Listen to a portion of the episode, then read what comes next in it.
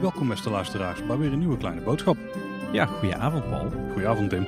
We zitten weer eens een keertje niet in Kaatsheuvel, maar we zitten vandaag in eh, Breda.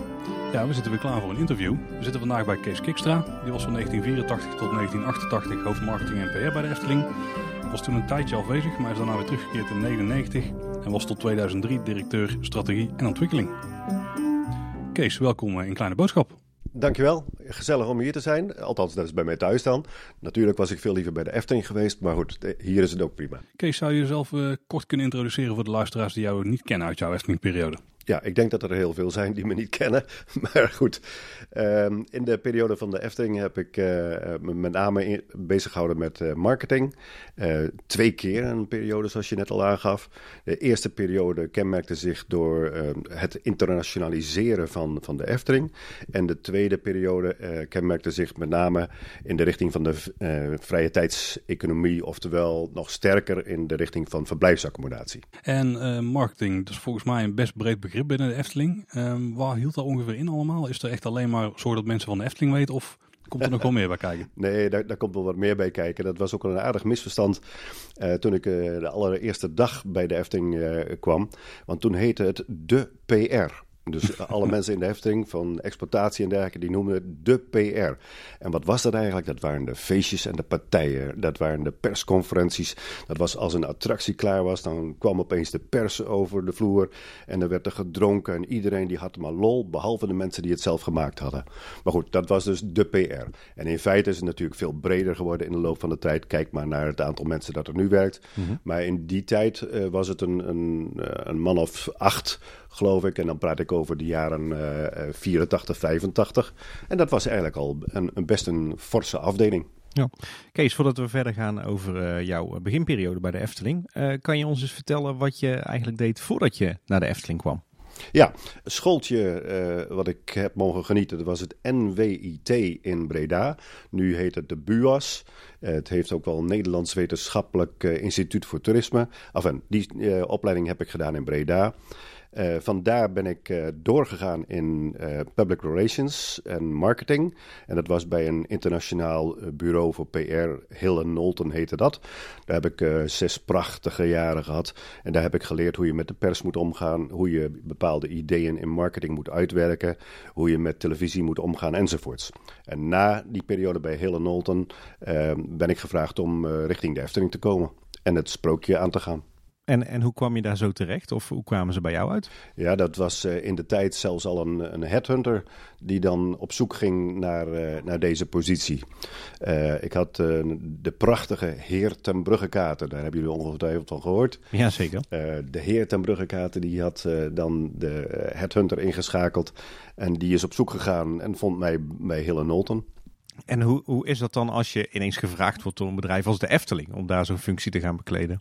Ja, dat was eigenlijk ook wel heel grappig. Uh, want uh, het sprak mij heel erg aan. Aan de andere kant was het ook zo. Uh, ik had tijdens mijn periode bij het Nederlands Wetenschappelijk Instituut voor Toerisme had ik een project gedaan voor de NBBS. De jongerenreisorganisatie was dat. En uh, toen kregen wij als dank daarvoor kregen we een reis aangeboden naar Amerika met een stel studenten. Prachtig mooi, maand lang door Amerika getrokken. En toen ben ik ook bij Disney geweest. Okay. En dat was mijn eerste ervaring eigenlijk met Disney. Dan praat je over Anaheim, hè? dus de, de, de kant uh, van het westen. De eerste originele. Vervolgens kwam ik na die maand kwam ik weer terug in Nederland. En ik dacht, nou, dan moet ik ook eens even kijken hoe het met de Efteling was. Want daar was ik vroeger met mijn ouders wel een keer geweest, maar nooit alleen. En ik gleed daar weg over de blubberpaden en de rotzooi. En ik weet niet wat het allemaal was, maar ik dacht: hoe is het in vredesnaam mogelijk dat Nederland zo'n product kan maken? Dat kan toch helemaal niet? En vervolgens kom ik er aan het werk. en ik wil graag meteen in het begin van de, dit interview wil ik zeggen dat de Efteling is de allermooiste ervaring in mijn hele leven geweest. Kijk, hoeven we daar niet meer naar te vragen. Nou, dat is al een mag je nog gerust drie keer vragen ja. en ik geef hetzelfde antwoord. Ja, precies. Maar je had wel dus meteen een, een goede uitgangspositie met uh, Disneyland Anaheim uh, in je achterhoofd als uh, dat moet het worden of daar willen we naartoe? Nou, meer als een soort referentie, want het was natuurlijk wel het Amerikaanse model. Hè? En uh, feit is dat de Efting toch een heel ander karakter heeft. Maar het was wel goed om even te zien uh, wat gastvrijheid was naar Amerikaanse norm. En hoe bijvoorbeeld investeringen in Amerika werden gerealiseerd ten opzichte van de Efting met de infrastructuur die er toen was. Ja. En het kan het ook best zijn dat ik natuurlijk in een periode kwam die niet zo al te best was. Maar in ieder geval, het was zo dat ik uitgleed over de modderbaden binnen de Efting. Dat, en dat was gewoon een rare ervaring. Vandaar dat toen ik werd uitgenodigd om voor de Efting te werken, ik even een vraagje had van, is dit wel wat ik wil? Maar dat duurde vijf minuten. Ah, kijk. Ja, want het was natuurlijk net na de periode dat Python was geopend. Dat was een flinke verandering, denk ik, voor het ja, park. Ja. En 1984 ben je begonnen. Ja. Ook meteen een jaar waarin drie attracties tegelijk open gingen. Was denk ik wel een uitdaging meteen, want die moesten allemaal vermarkt worden. Ja, maar op zich was het niet zo'n groot probleem, want er was natuurlijk toch wel een, een afdeling en er was natuurlijk Mark Tamino, hè? dus de, prachtig mooi, de icoon ook uh, in destijds van de, van de Efteling. De man die ook uh, goed was in publiciteit, dus die had het een en ander wel voorbereid. Ja, ik kwam binnen en toen werd meteen Carnaval Festival geopend. Uh, en dat was ook gelijk al een uitbijter, want dat was natuurlijk niet helemaal des Eftelings. Mm -hmm. nee. Uh, Carnaval Festival uh, was natuurlijk een, een beetje een uitbijter in het hele verhaal. Maar goed, het, het, liep leuk, het liep gezellig. En Carnaval Festival is natuurlijk in de loop van de jaren toch ook wel weer iconisch geworden. Zij het altijd op een ander idee dan de Efteling zelf. Want um, je hebt een attracties Carnaval Festival, maar hoe pak je dat dan aan? Heb je daar een rol in gehad in hoe dat in de markt is gezet? Of? Nee, met het Carnaval Festival was het zo dat het eigenlijk klaar was toen ik kwam. Dus met andere woorden, daar heb ik geen voorbereiding aan gegeven. Maar het was wel een feit dat uh, toen ik binnenkwam, had ik wel hele andere ideeën over marketing dan de Efteling destijds. Uh, dat was toen, zoals je kunt begrijpen, misschien wat traditioneel, een beetje oudbollig naar mijn idee. En uh, toen ben ik op zoek gegaan naar een nieuw reclamebureau. Als, als hele belangrijke voorwaarde dat je een goed reclamebureau hebt. Ik heb heel veel discussie gehad over de public relations van destijds. Want die was in de handen van één meneer, maar zeker meneer Schoor. Uh, prachtig figuur, hele markante vent. Uh, maar goed, we hadden nogal verschil van mening over de aanpak. Dus met dan, andere woorden, het, het was leuk om daar meteen in het begin al veel te kunnen aanpakken. Kan je ons eens uh, meenemen uh, of, of, eigenlijk uitleggen hoe dat op het moment dat je bij de Efteling begon, de, de marketing en PR uh, eruit zag en, en wat jij daaraan veranderd hebt? Nou, zoals ik net al zei, heette het de PR. En dat is een instituut eigenlijk in de Efteling geweest. Met een relatief slechte naam. Want het waren eigenlijk alleen maar de jongens die geld verbrasten. En die niet constructief stenen konden bouwen. Dus dat was al een, een, lastige zaak. Je moest dus heel erg goed zorgen dat je met je afdeling en de mensen die op die afdeling waren, dat je een goede interne PR deed. Dus je moest zorgen dat je de mensen van de exploitatie kende, de ontwerpers, uh, de bouwers, uh, de personeelszaken enzovoort. Dus dat was eigenlijk de eerste aanpak. Zorg dat je je mensen goed kent. Dat was het eerste. Tweede plaats, structuur van je communicatie. Dus op welke wijze communiceer je nou in de markt? Nou, in die tijd waren de budgetten uh, nou, relatief klein. En dan moest je dus heel scherp omgaan met uh, wat stop je in media, wat stop je in de productie om media voor elkaar te krijgen. Dus um, je, je moest nogal schipperen om de zaak goed voor elkaar te krijgen. Oké. En, en kan je dan ook zo eens een voor, voorbeeld geven van een, een, bepaalde campagne die je op dat moment uh, uh, hebt geïntroduceerd? Of, um, uh... Ja, nou, in eerste instantie was het dus een kwestie van keuze van een goed reclamebureau. Mm -hmm. En we hebben na een, een hele interessante pitch van, van vooraanstaande reclamebureaus in Nederland hebben gekozen voor Ogilvy Mather. O&M heette dat. En daar hebben we toch een paar prachtige, althans dat vond ik natuurlijk prachtig, want ik heb ze ook goedgekeurd, uh, prachtige campagnes gemaakt. En dat waren uh, hele grote posters met daarop Sneeuwwitje, Doornroosje, uh, de Trollenkoning. Met de Trollenkoning hebben we ook geopend in, die, in die tijd. En dat waren hele eenvoudige, mooie, uh, intrigerende kreten die erop stonden. Zonder al te veel tekst. En dat was dan uitnodigend. Nou, dat was mooi.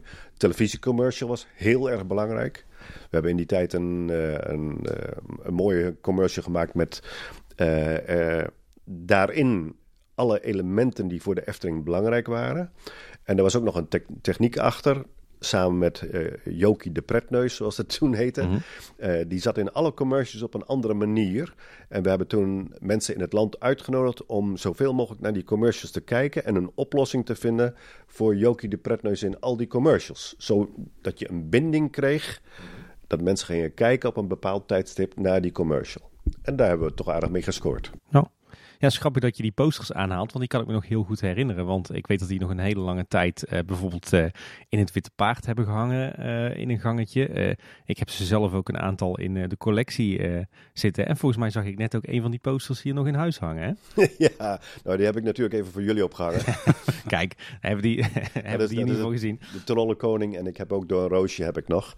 Dat zijn echt uh, toch wel reliquieën. Ja. Uh, bij mijn afscheid, uh, de eerste keer van de Efteling, heb ik een prachtige collage gekregen van alle activiteiten die ik in de loop van de tijd met de afdeling had gedaan. En dat was ontzettend leuk om te zien. En die hangt nou op de achterkant van deze poster die ik jullie zo meteen laat zien. Ah, leuk, ja. In ieder geval, uh, voor mij was het nog wel, uh, of is het echt wel een, een echte jeugdherinnering. Dit, als ik die posters zo zie, ik weet ook dat er ook een schitterende is van, uh, van Roodkapje. Een beetje volgens mij in het ochtendlicht, een beetje, beetje, beetje blurry, een beetje heilig bijna. Dat, die, die posters die betoveren je echt wel. Ja. Schitterende campagne. Ja. ja, ik vond dat ook de, de, de beeldvorming in die tijd vond ik heel belangrijk. En ik weet niet of jullie nog herinneren, maar ook in die tijd was er sprake van centerparks. En Centerparks die had een fantastisch mooie fotografie met een, een scherpte diepte erin. Waardoor je hele mooie een soft close uh, afbeeldingen kreeg. En dat sprak mij heel erg aan voor het karakter van de Efteling. En dus heeft het bureau destijds ook in die zin de zaken ontwikkeld. Ja, ja. Ja voor mijn gevoel was, legde die posters altijd heel erg de nadruk op hoe mooi de Efteling was. Dat was het, het eerste wat bij mij altijd uh, binnenkwam vallen als ik de posters zag. Mooi. Ik weet niet of dat ook de gedachte daarachter is geweest. Ja, want uh, in mijn visie was het destijds zo: zorg er eerst voor dat iedereen het leuk vindt en het ook kent. En daarna krijg je een periode van wat je wel noemt call to action. Dat noemden we in, in die tijd zo. Dat, dat er ook een, een trigger komt uh, in de actie, waardoor je zegt van... Uh, oké, we weten nu allemaal wat de hefting is. We hebben gezien dat er mooie elementen zijn. De doornroosje, de trollenkoning, de achtbaan enzovoorts. En, en vervolgens zorg je voor nu komen. Begrijpelijk, ja. Je, je bent in, uh, uh, je hebt dus van 84 tot 88 in de Efteling gewerkt. Uh, een aantal belangrijke toevoegingen in de jaren waren de Bob, Fata Morgana en de, de Pagode. was jij daar nou ook bij betrokken, bij de ontwikkeling van die attracties? Of lag het zwaartepunt daarvan dan juist op de promotie daarvan? Nou, ik moet wel eerlijk zeggen dat de zwaartepunt lag op promotie. Dat was echt de afdeling die dat mocht doen. Aan de andere kant natuurlijk liep je bij de ontwerpers binnen. Hè? Bij Ton en uh, Henny en bij Peter uh, destijds, uh, daar liep je frequent binnen. Dus, neem even een Fata Morgana. De naam Fata Morgana, die komt uit mijn koker. Hè? Kijk, dat vind, ik, vind ik altijd ja, toch ergens een beetje charmant. Dat je zegt van, uh, god, dat is uh, nog iets wat we met elkaar verzonnen hebben. En uiteindelijk kwam dat dan uh, uit mijn gedachtengang. aan de andere kant, Ton van de Ven was natuurlijk degene die het allemaal zo mooi heeft getekend. Ja, als we daar mogen in, inspringen. Er is ook een anekdote dat de Fata Morgana eerst Fata Medina zou gaan heten. is dat ook zo gegaan? Klopt die Ja, dat klopt. Ja? ja? nu je het zo zegt, weet ik inderdaad dat het zo heet. Maar ik vond dat niet passend bij een Efteling. Want Fata Morgana was iets vanuit het geheimzinnige. Het is er niet, maar het is er wel. Mhm. je, je, moest het uh, uiteindelijk gaan zien. En wat, wow, je ziet plotseling wat er allemaal bij de Efteling gebeurt. En ook is het natuurlijk zo, uh, Fata Morgana destijds was Arabisch en dat was geheimzinnig. En niemand had nog die wereld gezien. Nu vlieg je voor 300 euro uh, uh, naar dat land toe en dan zie je het ook. Het is bijna net zo duur als een kaartje voor de Efteling. Hè? Maar uh, destijds was het natuurlijk heel geheimzinnig. En vandaar Fata Morgana. Nou, dat, en ook de klank vond ik leuker dan Fata Medina. Ik vond Medina ook moeilijker te onthouden. Ja, kijk, dus we zitten hier gewoon aan tafel bij de man die ervoor gezorgd heeft dat Fata Medina Fata Morgana werd. Heel gaaf. Goeie actie geweest. Ja. Nou, ik hoop dat jullie de naam mooi vinden. Want... Absoluut. Absoluut. We, we, gebruiken hem vaak genoeg. Goed zo. De Bob was natuurlijk ook weer een uh, best wel, misschien wel toch wel zo'n vreemde eend in de bijt van de Efteling. De Bob was denk ik ook een beetje gekomen omdat jullie uh, toen meer jeugd binnenkregen vanwege de Python. En die zochten ook nog een stukje extra uitdaging. Hoe is daar gegaan? Hoe hebben jullie dat precies in de markt gezet? Want uiteindelijk voelt het toch wel als een familieattractie. Terwijl het volgens mij toch een beetje was neergezet voor uh, toch die, die, de mensen die het spannend zochten. Ja, nou eigenlijk was het zo dat uh, de Python was natuurlijk een groot succesnummer. Hè? Daar hadden we 200.000 bezoekers meer doorgekregen in die tijd. Praat over het jaar uh, 1981. En analoog aan zeg maar, de marketing van de Python was het toen de gedachte... oké, we hebben nou wat softe attracties gehad... en nu hebben we weer een keer een hard ride nodig. Daarnaast komt er ook bij, in die tijd was het dan al heel sterk gericht op de keuze van de directeur. Mm -hmm. uh, het was ook, naar mijn idee, destijds. Uh, ik, ik lieg dan in permissie, maar meneer Ten Bruggekater, die met de familie Mak uh, destijds gezegd heeft: van we zouden eigenlijk wel zoiets willen. Maar toen is het met Mak niet doorgegaan, hè? want dat is de, de, uh, zeg maar de, de bobslee met de buisjes. En toen is het, dacht ik, Intamin geworden. Ja. ja, maar dat waren in de tijd toch beslissingen die meestal door de directeur werd genomen. En uh, ja, daar mocht iedereen naar luisteren. En werd er nog gedaan op basis van onderzoek van bijvoorbeeld jouw afdeling of zo? Want ik kan me voorstellen dat jullie uh, best wel een goede grip hadden op de doelgroep en zo, en, en wat die willen. Ja, maar in die tijd was er absoluut nog geen sprake van een onderzoek uh, naar de uh, noodzaak van een bepaalde attractie voor een doelgroep. Dat was een kwestie van gevoel. Okay. Zo deden al die heren dat, zo deden heel Europa dat. um, uh, en het was ook een kwestie van ons kent ons. Van nou, nou is het wel tijd dat we voor die doelgroep eens een keer wat leuks doen. Oh, is dat een bobslee? Is dat een redelijke prijs? Oké, okay, doen we. Toen jij je reisje hebt gemaakt naar Anaheim, zag je daar wel dat ze dat daar misschien wel anders deden? Misschien in zo'n korte trip merk je dan misschien niet helemaal hoe ze het doen. Maar ik kan me voorstellen dat als je dat daar hebt gezien, dat je dat dan ook wel zou willen meenemen naar Kaatsheuvel. Tenminste, met terugwerkende kracht. Want toen wist je nog niet van de Efteling uitdaging die eraan kwam natuurlijk. Ja, ik kan niet zeggen dat ik toen van Anaheim veel ideeën mee terug heb genomen. Anders dan dat ik wel onder de indruk was van de marketing. En ook wel uh, uh, het idee had de, dat de pricing, dus de, de, de prijsstelling en dergelijke, uh, interessant was om te bestuderen. Um, ik weet niet of jullie het nog weten, maar je, je had destijds een, een prijsstructuur. Uh, met allerlei ook prijzen voor uh, attracties en dergelijke. Ja. Ja, en toen kreeg ja. je uh, gelukkig bij ons de pay one price system. Ja. Dus, dus, dat je gewoon één keer een prijs moest betalen. Niet elke keer dat gesotemieten met allerlei bonnetjes en dergelijke die je additioneel moest kopen. Dus dat uh, heb ik destijds wel begrepen van Anaheim. Aan de andere kant vond ik het, het heerlijk om die, die infrastructuur van Anaheim te zien. Die één keer goed geprogrammeerde infrastructuur van het park. Dat was wel heel erg bijzonder. Ja. Heb je daar eigenlijk nog wat mee gedaan in die uh, eerste jaren in de Efteling? Ja, uh, maar dan moet ik zeggen dat is met name geweest het, uh, het boekje waarin alle informatie stond en de plattegrond voor, voor de Efteling. Ze hadden in de tijd in Disney hadden ze een, een prachtig mooi uh, klein smal boekje en daar stond uh, per categorie stond daar dan heel goed en duidelijk in vermeld wat de bezoekers allemaal konden verwachten uh, en snel naar de goede attractie en ook heel belangrijk op een juiste manier snel naar het restaurant waar dan de additionele omzet gevonden kon worden. Ja. Ja, dat vond ik een heel handig instrument. En aan de andere kant moet je natuurlijk wel realiseren dat Efting kon destijds aan de investeringen die bij Anaheim mogelijk waren, absoluut niet tippen. Hè? Dus dat was geen realiteit. Nee. In die jaren speelde ook eigenlijk de worsteling met het, het Kraanven, het oude bungalowpark. Daar was je ook bij betrokken, hè?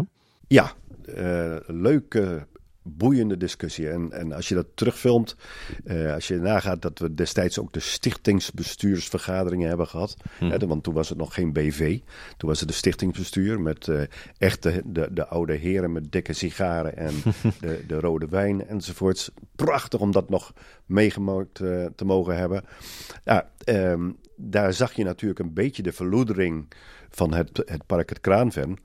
Uh, aan de andere kant zag je wel dat uh, eigenlijk de Efteling met het Kraanven destijds een voorloper was van deze industrie. Ja. En dat was natuurlijk wel heel interessant. Dus uh, het was jammer dat de Efteling niet heeft geherinvesteerd in het Kraanven. Uh, aan de andere kant heeft het een aanzet gegeven tot de vernieuwing die in de jaren daarop allemaal volgden. En eigenlijk moet ik uh, in een grote lijn zeggen dat mijn eerste periode bij de Efteling is gericht op het internationaliseren van het product. En bij het internationaliseren van het product kan het alleen maar goed gaan als er verblijfsaccommodatie is. Ja. En om daar even op door te pakken, je, je zegt je hebt je in die eerste periode vooral gericht op het internationaliseren van de Efteling. Hoe, hoe ging dat dan in zijn werk of hoe heb je dat aangepakt? Ja, moet je ook weer niet te zwaar zien in, in die tijd. Maar dat betekende gewoon dat we sterker uh, Duitsland wilden aantrekken. Dat we beter met België wilden omgaan. Dat we zelfs Engeland erbij wilden betrekken. En in die tijd waren de, de, de aantallen natuurlijk nog zeer beperkt. Ik herinner me iets van totaal uh, 20, 25 procent buitenlanders ongeveer. En uh, we wilden graag die Duitse markt op. En destijds heb ik dan ook uh, Olaf Vugts uh, gevraagd of hij bij ons op de marketingafdeling wil komen. Want Olaf Vugts had Duits gestudeerd. Hè? Dat was de, het kenmerk. En vergeet niet dat Olaf Vugts de zoon was van de vader, Berfugs, die de administrateur was. Ja. En zo ging dat in de tijd. Bedrijf, een familiebedrijf. Ja, um, en je bent dus bezig geweest met het kraanven, maar in die tijd, in de jaren tachtig, ontstonden ook langzaam maar zeker de plannen voor de wereld van de Efteling. Had je daar, uh, had je daar nog een, uh, een rol in? Ja, zeker de allereerste rol. En uh, ook die, die wereld van de Efteling is essentieel bij het internationaliseren van het prachtige park. want je kunt namelijk niet groeien als je niet mensen op afstand kunt laten logeren bij je. Want normaal gesproken rijdt iemand vanuit Groningen al 2,5 uur voordat hij in de Efteling kan zijn. En vanuit Duitsland ook al helemaal. En dan kun je niet meer op één dag. Dus we spreken over van dagrecreatie naar meerdaagse recreatie. En daarvoor moet je overnachten. Dus de wereld van de Efteling is gebaseerd op het overnachtingsproces. Ja. Uh, als je daarover uh, praat over uh, in die tijd, dus we praten over 84, 85, dan hadden wij een, een, voorzitter van het stichtingsbestuur. En dat was ingenieur G. Rieter. Mm -hmm, bekende naam inderdaad. Machtig goede man. Wat een voorzitter was dat. Dat was iemand die heel erg conscientieus was in zijn benadering voor de Efteling. Ook een grote liefde had voor de Efteling. En hij was zelf Unileverman, dus hij wist ook wel waar hij over sprak. Maar heel erg dedicated, heel erg goed gericht op de toekomst. En die heeft dus dat plan opgepakt zeg maar grofweg van mij om, om, om naar verblijfsaccommodatie te gaan. Toen zijn we gekomen op de wereld van de Efteling. En toen heeft hij nagedacht over hoe zou je dat met huisjes kunnen doen. Hoe zou je dat met de golf kunnen doen. Want hij was groot voorstander van golf, omdat het een publiekssport zou worden. Uh, maar uh, Ritter is de man eigenlijk die in hoofdzaak de aanzet heeft gemaakt tot de verblijfsaccommodatie. Dus tot de wereld van de Efteling. En, en jij hebt dus mede aan de wieg gestaan van die plannen? Jazeker. Want ja. er liggen hier, hier op tafel ook wat interessante documenten. Wat, wat heb je voor ons tevoorschijn gehaald uit de boekenkast? Nou, dit is, dit is echt nog zo'n zo'n stukje papier waar, waarvan je ziet en voelt uh, dat het uit 1983, 84 is. En je, je, jullie kunnen ook zien dat het nog getypt is op een gewone typemachine. Ja. Dus niet op een computer of iets dergelijks, maar zo zit het in elkaar. En uh, dit papier geeft aan dat we destijds een, een opstelling hebben gemaakt van hoeveel bezoekers mag je nou verwachten als je daadwerkelijk praat over het buitenland, als je praat over verblijfsaccommodatie enzovoorts. En daarbij zie je dat er een uh, inschatting gemaakt is destijds van hoeveel mensen slapen er nou in huisjes, hoeveel mensen uh, slapen er op een camping, hoeveel in een hotel enzovoorts. En daar hebben we een begrotingje van gemaakt, een potentiële marktverkenning. Met een waarschijnlijkheidspercentage van 3, 5 en 7 procent. En de 7 procent variant die komt uiteindelijk uit op 5,4 miljoen bezoekers. Wat re redelijk is waar we nu op zitten. Dat is redelijk waar we op zitten. Aan de andere kant moet je natuurlijk wel zeggen... je weet nooit precies met welke snelheid dat gehaald zou worden. Maar het is wel een feit dat dit dus in de totale markt... een miljoenenbezoek is dat gehaald is. En dat vind ik wel prachtig dat het gehaald is. Ja, want rond die tijd zat de Efteling nog onder de 2 miljoen bezoekers per jaar. Ik ben, be ben begonnen met 1,4, 1,5 miljoen. Uh, en toen kwam uh, inderdaad uh, de Bob erbij. En toen hadden we net ook de Piranha, die, die kwam naar de Python meteen. Hè? Dus toen was, zat er echt even de vaart in. Ja, en ik ben denk ik vertrokken rond 2,4 miljoen weer. Oh. Dus ja. Mooi sprint. Ja. Ja, hier voor ons ligt dus eigenlijk, je zou kunnen zeggen, een marktonderzoek hè, of een marktverkenning uh, uit, uit begin jaren 80. Ja. Uh, um, uiteindelijk, uh, toen je wegging in 88, lag er echt een, een uitgewerkt plan met een schitterende plattegrond van hoe die wereld van de Efteling er zou gaan moeten uitzien. Hoe, hoe, is dat, hoe, hoe ben je daar uiteindelijk toe gekomen? Of, of ik, wil misschien, ik moet misschien zeggen, hoe hebben die plannen vanuit jouw eerste marktverkenning, hoe hebben die de vorm gekregen zoals we die allemaal nog kennen? Ja, ik denk dat ze in grote lijnen wel zo uitgewerkt zijn zoals ik had gehoopt. Uh, natuurlijk zijn er details die, die, die niet helemaal uh, zo zijn zoals in mijn dromen. Maar uh, grofweg is dat wel het geval geworden. Je moeten we ons wel realiseren dat in die tijd hebben we gesproken met Center Parks. Mm -hmm. Jullie herinneren je nog de directeur De Klerk, Ruud mm -hmm. De Klerk. Die heeft uh, in de beginperiode van toen we over de wereld van de Efteling spraken... Uh, met uh, de, de baas van Centerparks, met de eigenaar van, van Centerparks gesproken. Nou, dat werd een ogenblikkelijke clash.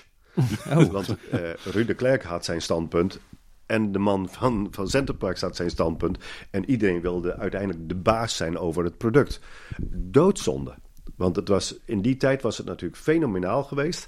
Wanneer we uh, in de Centerpark sfeer, zoals zij mm -hmm. dat toen deden, uh, toch hele mooie huizen hadden kunnen maken op een sprookjesachtige manier. Ja. Maar met de Centerparks invulling. Goed, geclashed. Helemaal uh, van scratch opnieuw beginnen. En toen zijn er natuurlijk nogal wat onderhandelingen geweest. Er zijn nogal wat perikelen geweest, milieueffectrapportages enzovoorts.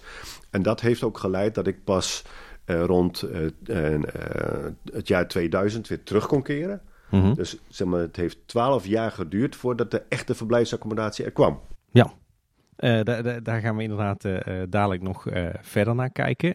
Iets anders waar je die jaren nog mee bezig bent geweest, en dat is een, eigenlijk van een totaal andere orde, is, is een nieuw logo hè, voor de Efteling. ja, ja klopt. Ik vond destijds het, het oude logo van de Efteling. Hè, een DE was ook uh, met kapitalen geschreven. En Efteling vond ik toen wat te oudbollig worden. En uh, daarom hebben we gezocht naar een, een nieuw logo dat ook representatief zou zijn voor de wereld van de Efteling. En toen hebben we achteraf gezien iets wat te hoogdravend buiten de deur gezocht. Okay. En dat is toen Studio Dumbar geworden uh, in Den Haag. Dat, dat zijn de jongens die, die muntstukken ontwerpen. Dat zijn de jongens die voor KLM uh, hebben gewerkt. Die voor de NS uh, alle signing hebben gedaan. Echt fantastisch knappe heren. Mm -hmm. En die ook wel iets moois hadden gemaakt. Maar uiteindelijk kwam het bij de Efteling toch niet aan. Is niet geland. Okay. En toen heeft Henny Knoet heeft uiteindelijk zijn eetje ontworpen. Uh, met de nieuwe Efteling erbij. En dat is in de loop van de tijd, denk ik, goed geweest. Dat is echt het, het beeldmerk van de Efteling geworden, denk ik. Ja. ja de befaamde Efteling E, hè? Ja. Maar wat ook wel uh, mooi is aan het logo, zoals uh, die in jouw periode was ontworpen door Studio Dunbar. Het was het woord Efteling met een flinke ja, twinkel, ja. De, ja, hoe laten we het noemen, explosie bijna. Ja. en kleine boodschap zat erop. Ja. Hey, dat was al stiekem een beetje reclame voor onze podcast, hè? Nou, ik, ik vond dat heel mooi. Uh, want het was dat dust, hè, dat, ja, beetje dat, ja, uh, ja. dat, uh, dat, stof wat zo door een kleine boodschap of door, door betoveringen en dergelijke wordt uitgestrooid. En kleine boodschap was zeer representatief voor de Efteling. Alle mensen die daar wel eens geweest waren, die zagen natuurlijk Kleine Boodschap toch echt als, de, als van de Efteling. Dus ik vond dat wel heel mooi. Het was in de praktijk wat moeilijker toepasbaar. In zijn uitvoering, om dat overal te bedrukken en dergelijke. Mm -hmm. En daarom is na mijn uh, vertrek bij de Efteling in 88 heeft men gekozen, ook waarschijnlijk om uh, financiële redenen, want Paul Beck heeft toen nog gekozen voor van wij stoppen met Dunbar, we gaan deze E volgen. Nou. Gesloten discussie, prima, zo gaat zoiets. Ja, ja. maar die streep met, uh, met, het, met de twinkels, met het fairy dust, dat zit wel nog steeds in het logo. Ja, nou, dat, heeft, dat heeft hij niet dan daar een beetje uit overgenomen. Ja. Aan de andere kant is er ook vrij logisch zo'n zo'n fairy dust uh, uh, string die eraan zit. Dat past natuurlijk bij de Efteling. Dat is leuk, dat is bewonderend, dat is, dat is fraai, dat hoort erbij. Uh, in, die, in die jaren werd binnen de Efteling ook hard gewerkt aan de Trollenkoning. Uh, we begrepen dat jij daar ook nog uh, een rolletje in had. Ja, maar niet zoveel eerlijk gezegd. Ik, ik begreep dat het ook een onderwerp zou zijn. Maar de, de, de, de, uh, de Trollenkoning is echt wel iets waar, waar Peter van Ostade aan gewerkt heeft. Met, met zijn uh, kracht en zijn stem ook. Hè? Uh, uh, en we vonden het wel heel leuk dat we destijds met Marie van Heumen ook die techniek van die trollenkoning zover konden krijgen. Dus de, de, de samenwerking met TNO ook. Dat was de eerste keer dat we eigenlijk zonder ja. al te veel kabels, maar meer met, met stuurmotoren gingen werken. En ook met, met fantastisch mooi geluid en leuke effecten. Het was een, een, een leuke kleinere attractie die toch heel veel mensen zeer waarderen, denk ik. Zeker, ja. ja absoluut. Een van mijn favorieten in de Sprookjesbos. Schitterende animatronic inderdaad, ja. ja. Oh. In 1988 verliet je de Efteling. waarom ging je weg bij de Efteling, als ik vragen mag? Ja, dat is wel vaker zo in, in mijn vak. vaak spreek je over een periode van vijf jaar. en dat is niet een must. Maar dat is ook een kwestie van hoe, hoe zit zoiets in elkaar. En in mijn geval was het zo, ik had de aanzet gegeven tot uh, de internationalisatie van het park met de start voor verblijfsaccommodatie. En dan moet je even zien, uh, in die tijd spraken we dus over dagrecreatie, alleen maar mm. dagrecreatie. En voor mij was het interessant om ook eens na te gaan wat verblijfsrecreatie nou eigenlijk was. Dus de combinatie tussen dagrecreatie en verblijfsaccommodatie. Ga maar even na. Met dagrecreatie dan zeg je Oké, ik zet de poorten open, de zon schijnt. Hoeveel mensen zouden er vandaag komen? Ja. En dan ben je verrast of niet verrast. En dan maak je een begroting en dan zeg je, oh, leuk, was leuk. Maar met verblijfsaccommodatie, dan weet je van tevoren hoeveel mensen er geboekt hebben. Mhm. En dat geeft heel veel additionele informatie voor je marketing. Geeft heel veel informatie voor je horeca. Hoeveel mensen zijn er dan in het park? Je weet het van tevoren.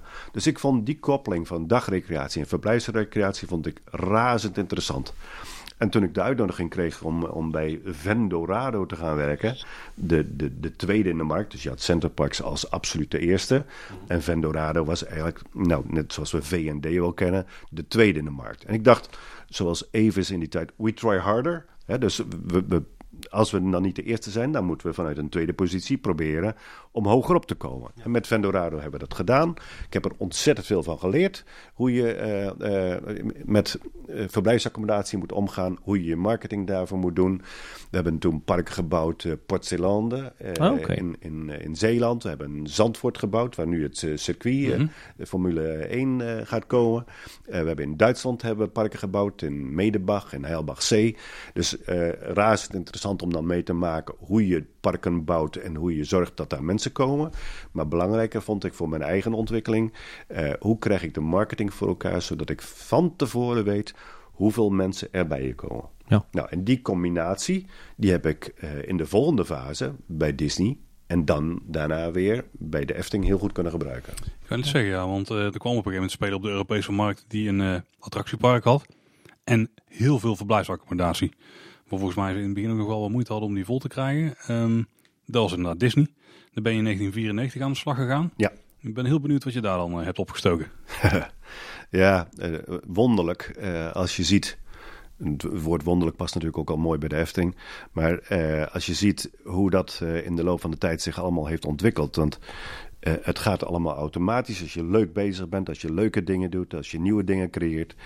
En uh, als je dan uh, wordt uitgenodigd om bij Disney te gaan werken in Parijs, dan denk je, nou, dit is onmogelijk. Daar, daar geloof ik niks van dat het gaat gebeuren. Maar het gebeurde wel.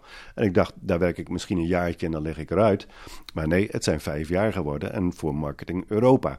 Dus ik heb uh, vijf jaar lang Disney gedaan, marketing en sales Europa. Dus ik moest zorgen dat alle tour operators werden aangestuurd, alle PR-mensen en dergelijke, met allerlei kantoren in Londen en in Milaan en Madrid en uh, ook in Frankrijk. Alhoewel de Fransen die wilden eigenlijk alles wel graag zelf doen, dus Frankrijk was wel een beetje een uitzondering. Maar goed, dat ik toen bij Disney mocht komen, dat was wel een, een, een fantastische uh, volgende stap in mijn carrière. Ja, dat kan ik me voorstellen. Want, want hoe ging dat dan precies? Want wat, wat deed je daarvoor dan bij, bij Vendorado of, of Grandorado zoals we dat nu uh, kennen? Nou, bij Grandorado heet het ook uh, internationale marketing. Mm -hmm. uh, dus daar moest ik ervoor zorgen dat ook de, de parken een gezonde bezettingsgraad hadden. En daarvoor moest ik zorgen dat er uh, bij de tour operators in, in heel Europa het product goed werd gerepresenteerd. Goede prijsstelling, uh, de juiste acties op de juiste uh, tijdstippen enzovoorts. Dus dat was het vak bij mm -hmm. Grandorado. Ik heb ook een herpositionering gedaan, want Vendorado was voor mij een beetje stoffig en grijs. Mm -hmm. Net zoals V&D in de tijd. En toen hebben we de naam veranderd, hebben we ook de hele huisstijl veranderd. Ook toen Port Zeelanden er, erbij kwam. En het is toen Gran Dorado, een beetje naar Gran Canaria. En eh, een beetje, een beetje die mediterrane stijl geworden. Uh, daar hebben we ons mee op de markt begeven. Ja. Dat is natuurlijk wel een groot verschil met bij de Efteling. Want daar had je met tour operators denk ik weinig te maken.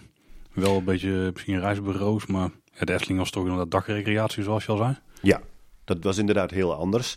Aan de andere kant, wij waren wel gewend met het team. Onder andere met meneer Salet, die uh, destijds uh, werkte. Al een redelijk seniore man. Ja. Uh, en en daar zijn we mee de busboeren afgeweest. Hè. De busboeren waren destijds het belangrijkst. Want de, de, de, de heer- en busondernemers die moesten zorgen dat er op een dag heel veel mensen kwamen. Dus toen er nog niet sprake was van een bed bij de Efteling, toen waren met name de busondernemers die voor de Efteling van belang waren. En minder de tour operators. Want die tour operators verdienden eigenlijk alleen maar aan de overnachting. Ja, ik kan me voorstellen dat, dat, voor Disney, uh, dat daar bij Disney wel overeenkomsten zijn. Dat je daar dus wel ook die tour operators had die je mee moest krijgen. Als ik niet kon je net beide noemen. Dus beide gebieden wel belangrijk, denk ik. Ja, zeker.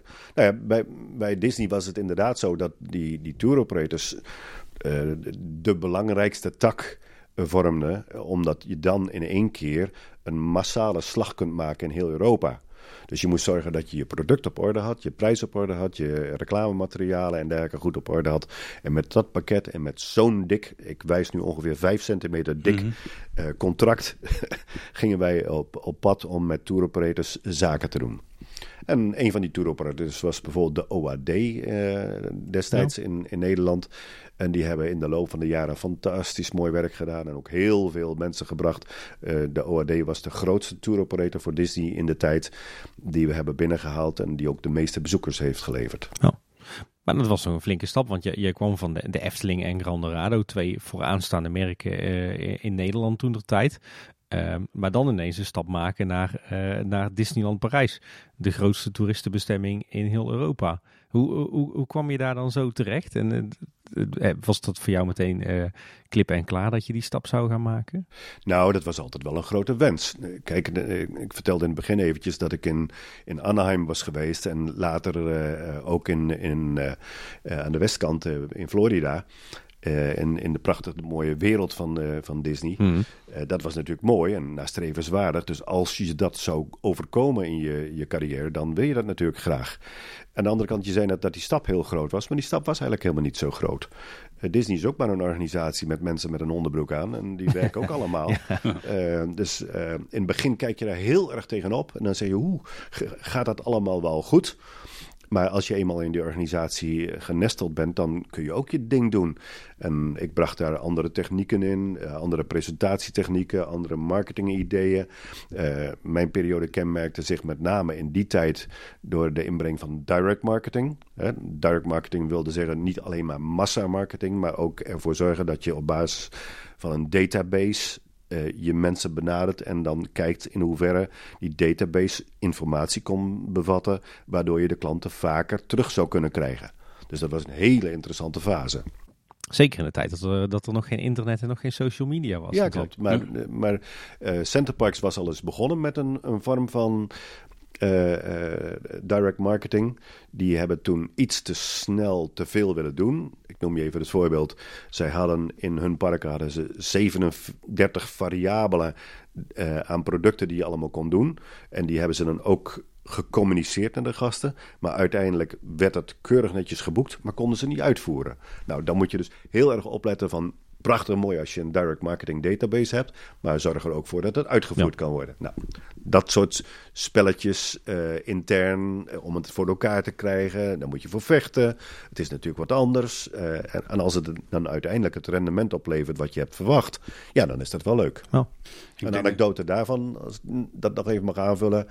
Ik heb een keer een, een soort trainingscursus in Amerika gehad en dan zat ik naast meneer Michael Eister.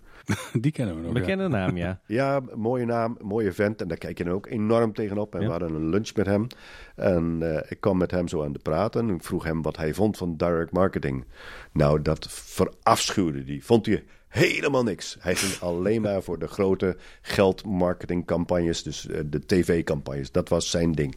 En direct marketing vond hij helemaal niets. Hij kwam natuurlijk ook uit de, de film- en tv-wereld. Hij kwam uit die ja. wereld, ja, ja, En ook begrijpelijk. Want uh, goed, hij was ook alweer 10, 15 jaar ouder dan ik was.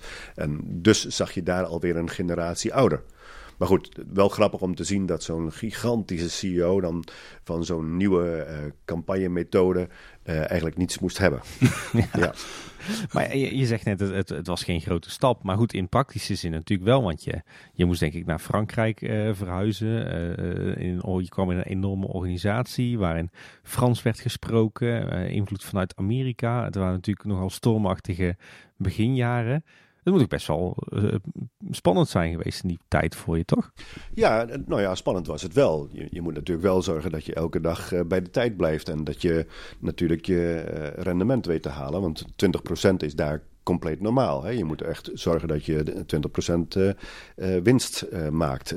Dat is de, de, kern van de zaak. Maar goed, het was heel erg interessant. We een, een, een meneer die in, op, op managementniveau verantwoordelijk was voor marketing en sales. Uh, en die kwam van Nike af. En die had in Nederland gewerkt. En daar was een hele leuke interactie mee. We hadden een directie in de tijd bestaande uit een, een Amerikaan en een Fransman. Prachtige kerels, leuke kerels, waar je tot s'avonds 10 uur, 11 uur heerlijk mee kon onderhandelen. Nou, dat, dat was echt lekker ervoor gaan. En zo rol je daar gewoon binnen. En iedereen die ook zich maar afvraagt of hij zoiets moet doen, doen. Gewoon doen. Nooit je afvragen of het te groot is, of het een grote stap is. Meteen doen. Ja, volgens mij kreeg je in 1995 een enorm mooi cadeau in de schoot geworpen bij Disney. Want toen opende Space Mountain. Ja. Hoe, uh, hoe vermarkt je zoiets dan? Dat gaat er bijna vanzelf of uh, nog wel aan moeten trekken? Ja, uh, ook een leuk onderwerp. Want in de tijd dat Space Mountain werd geopend, dat was een attractie die kostte 125 miljoen dollar. dat is nog steeds heel veel geld. 125 miljoen dollar. En ik had destijds uh, tour operators uitgenodigd om natuurlijk de, die eerste fase mee te maken en de opening mee te maken. Dus die kwamen uit alle landen. En ik had ook een paar mensen uitgenodigd uit de industrie, waaronder uh, uh, de Efteling-bazen, de oud-baas van, van Grand Dorado enzovoorts. En die zeiden, nou, die 125 miljoen, die halen ze er nooit uit. Nou, laten we nou meteen op basis van de openingsdag uh, met pers en publiciteit hadden we in één klap 150 miljoen aan publiciteit. 150 miljoen aan publiciteit. Wat je normaal zou moeten betalen hè, in advertisingcampagnes, dat had, had je alles publiciteit. En enorm veel uh, mensen die daarover spraken. Het was ook een welkome aanvulling. Aan de andere kant moet ik vertellen dat ik destijds, dat had ik nog nooit gedaan, maar ik heb aandelen gekocht van, uh, van Disney. Uh, vlak voordat de Space Mountain werd geopend. Want ik dacht, ha, de Efting had de Python in 81. Ja. En daar kwamen plotseling 200.000 bezoekers meer. Dus als Disney nu Space Mountain opent, dan zal het ook wel proportioneel zo ongeveer gaan met de bezoekersaantallen. En dat gebeurde dus niet. Ai. dus dat was uh, uh, weer eens een keer een foute beslissing, maar wel een leuke. Maar in, in die beginjaren ging het niet zo best met, uh, met uh, Euro Disney toen nog. Uh, merkte je dat toen ook aan de, de sfeer in de organisatie? Ja, dat kon je wel merken, maar in positieve zin. Want er zat toen een management, waar ik net van zei, de, de Amerikaan mm en, de, en de Fransman. Philippe Bourguignon is met name de Fransman die daar verantwoordelijk voor was. En die wist zijn staf zo lekker te motiveren zo goed te stimuleren dat iedereen er keihard voor ging. En dat was zo lekker om mee te werken. Je moet je even voorstellen, dat heb ik helaas niet meegemaakt, maar in 1992 sprak je over de openingscrew. Mm Dus er, was, er waren mensen die kwamen een half jaar van tevoren en die moesten de zaak klaarmaken voor de opening. Nou, die openingsmanifestatie is gigantisch geweest, enorm. En daar hebben ze zich enorm voor ingezet. En daar hebben ze ook enorm leuke rendementen voor gekregen. Alleen tegen te hoge prijzen. Ja. En tegen een te Amerikaans model. En eh, binnen de kortst mogelijke tijd hebben ze dus gezegd: ah, wij kappen met de naam Euro Disney. We maken er Disneyland Parijs van. Tweede plaats, wij gaan 25% lager in prijs zitten. En dan is het wel machtig dat een organisatie, zelfs vanuit Amerika, dat kan doen. Het lef heeft om 25% in prijs te gaan zakken. Ja. Dat is, dat is geweldig. En als je dan als, uh, als, als team eraan gaat werken om zeg maar, de bezettingsgraad die lager was, omdat de prijzen vrij hoog waren, omdat het het Amerikaanse model was en er natuurlijk nog onbekendheid was. Als je dan op dat moment net binnenkomt en je mag daaraan gaan werken, ja, dat was fenomenaal. En, en zijn er dan zaken, zeg maar, veranderingen destijds in, in Disneyland Parijs waar we echt de hand van Kees Kikstra in, in kunnen terugzien? Nee, dat, dat, dat, zie je niet. Dat zijn, in zo'n grote organisatie zijn dat de kleine radertjes natuurlijk. Aan de andere kant uh, wel met name de, de, contacten internationaal met de tour operators. Mm -hmm. Zoals uh, TUI en uh, zoals OAD in Nederland. maar ook grote operators uit Spanje en, en uit Engeland. Dat waren wel de slagen die volumes brachten.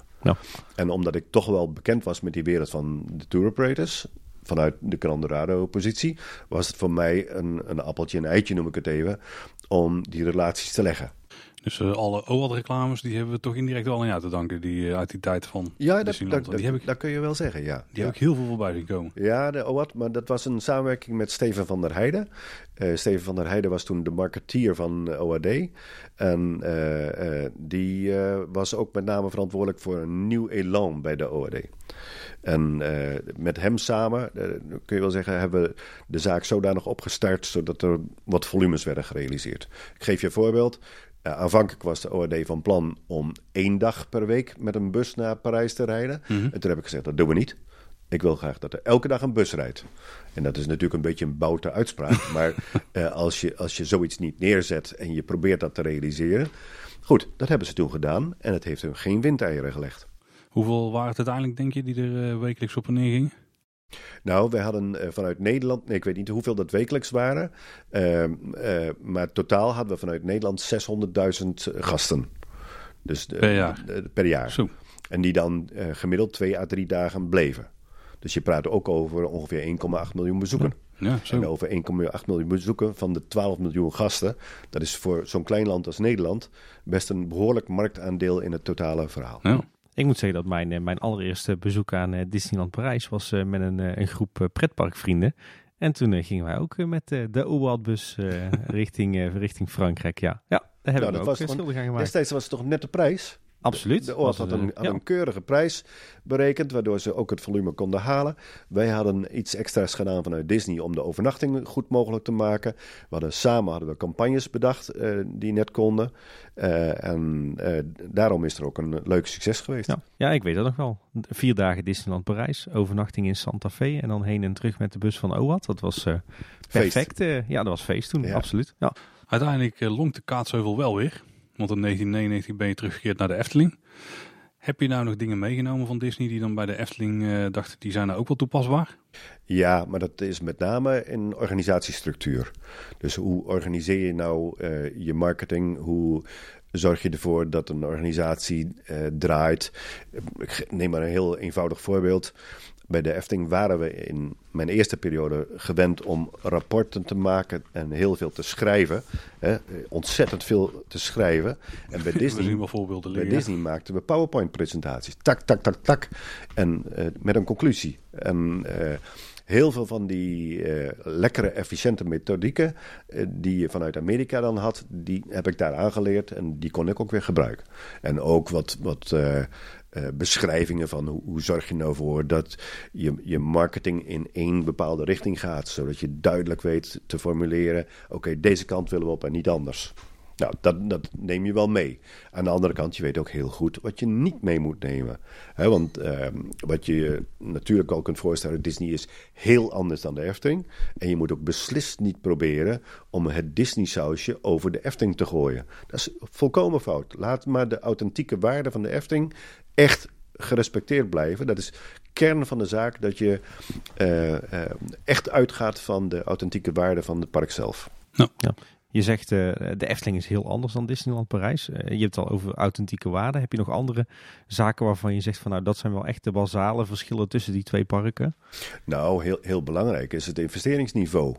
Uh, misschien hebben jullie het wel vaker gehoord, maar de Efteling realiseert zijn attracties, ondanks het feit dat het nog steeds een hoge investering is, mm -hmm. maar ongeveer voor uh, een, een, kwart tot een, een, een, tiende van de prijs die Disney daarvoor uh, moet rekenen.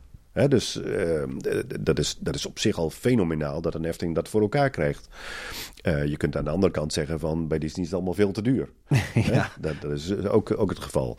Maar dat betekent wel dat een Efteling ook met zijn organisatiestructuur, dus stichting als moeder, er is geen uh, dikke directeur die er verschrikkelijk veel geld aan overhoudt. Het, het, zit allemaal mooi netjes in de eigen organisatie. Laat het maar mooi zo betijen. prima zo. Dus weten hoe het ook niet moet, is ook een hele goede zaak. Nou, nou. En uh, we zeiden het net al, je maakte dus in 1999 de overstap weer terug naar de Efteling, uh, zeg even maar. Uh, hoe, kwam, want, hoe kwam dat dan ineens zo op je bordje? Want ik kan me voorstellen dat het ook alweer een, een bijzondere stap was om voor de tweede keer bij een bedrijf te gaan werken. Ja, nou ik had er ook echt veel zin in, moet ik je zeggen. Want na vijf jaar bijna elke dag zalm en uh, heerlijke caviar eten met prachtig mooie feesten en partijen en leuke marketing, is het ook wel eens lekker om weer gewoon andijvie met uh, spek te eten. en dan, kan me voorstellen, ja. Dan, dan is dat echt ook wel weer fijn. Aan de andere kant, wat mij met name aansprak in de, de tweede fase van de Efteling, is dat ik kon realiseren wat ik in die eerste fase had voorbereid. Dus het ideeëngoed van de wereld van de Efteling had tien jaar tijd nodig om zich te ontwikkelen binnen de Efteling met milieueffectrapportages, financiering enzovoorts. En in mijn tweede periode kon ik eigenlijk doorstarten met datgene waar ik in die eerste periode mee begonnen was. Ja. ja, het leuke is dat we een paar weken geleden natuurlijk gesproken hebben met uh, Erik van der Brand, ook een oud-directeur van de Efteling. Hij zei dat degene die jouw plannen dan uh, in 88 een beetje heeft opgepakt, daar uh, tien jaar mee heeft lopen stoeien en samen pakten jullie dan denk ik in 99 weer, weer op. Ja, zo kun je het wel zeggen.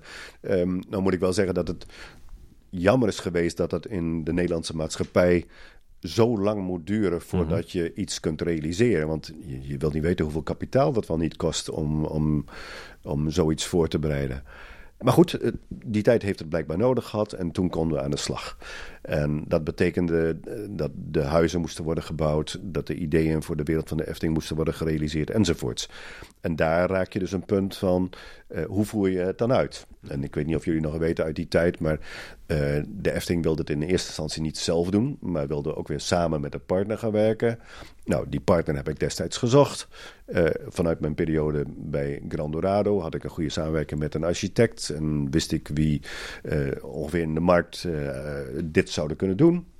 En zo zijn we ook gekomen tot een, een eerste verkenning van een, samenwerking die dus grandioos is mislukt. Ja, daar had, uh, hebben we het met Erik ook al eventjes over gehad, ja. Uh, want dan gaan we daar even op door. Kan je daar wat meer over vertellen? Hoe, hoe, hoe werd dat dan opgezet? Want dan hebben we het volgens mij over de plannen voor Droomrijk, hè? Ja, nou, met name over Droomrijk. En dan praat je over dat wij uh, contact hebben gezocht met uh, architect Zelenberg. En architect Zelenberg die bouwde de huisjes destijds van Portselande. Was een man die naar mijn idee hartstikke goede dingen kon ontwerpen. Mooi, passend, redelijke prijs, gevarieerd, niet standaard. Nou, dat, dat was een architect naar mijn hart. Hij is gekomen met het voorstel van de roompot van eh, meneer Van Koeveringen, Henk van Koeveringen, die in de loop van de tijd behoorlijk was gegroeid.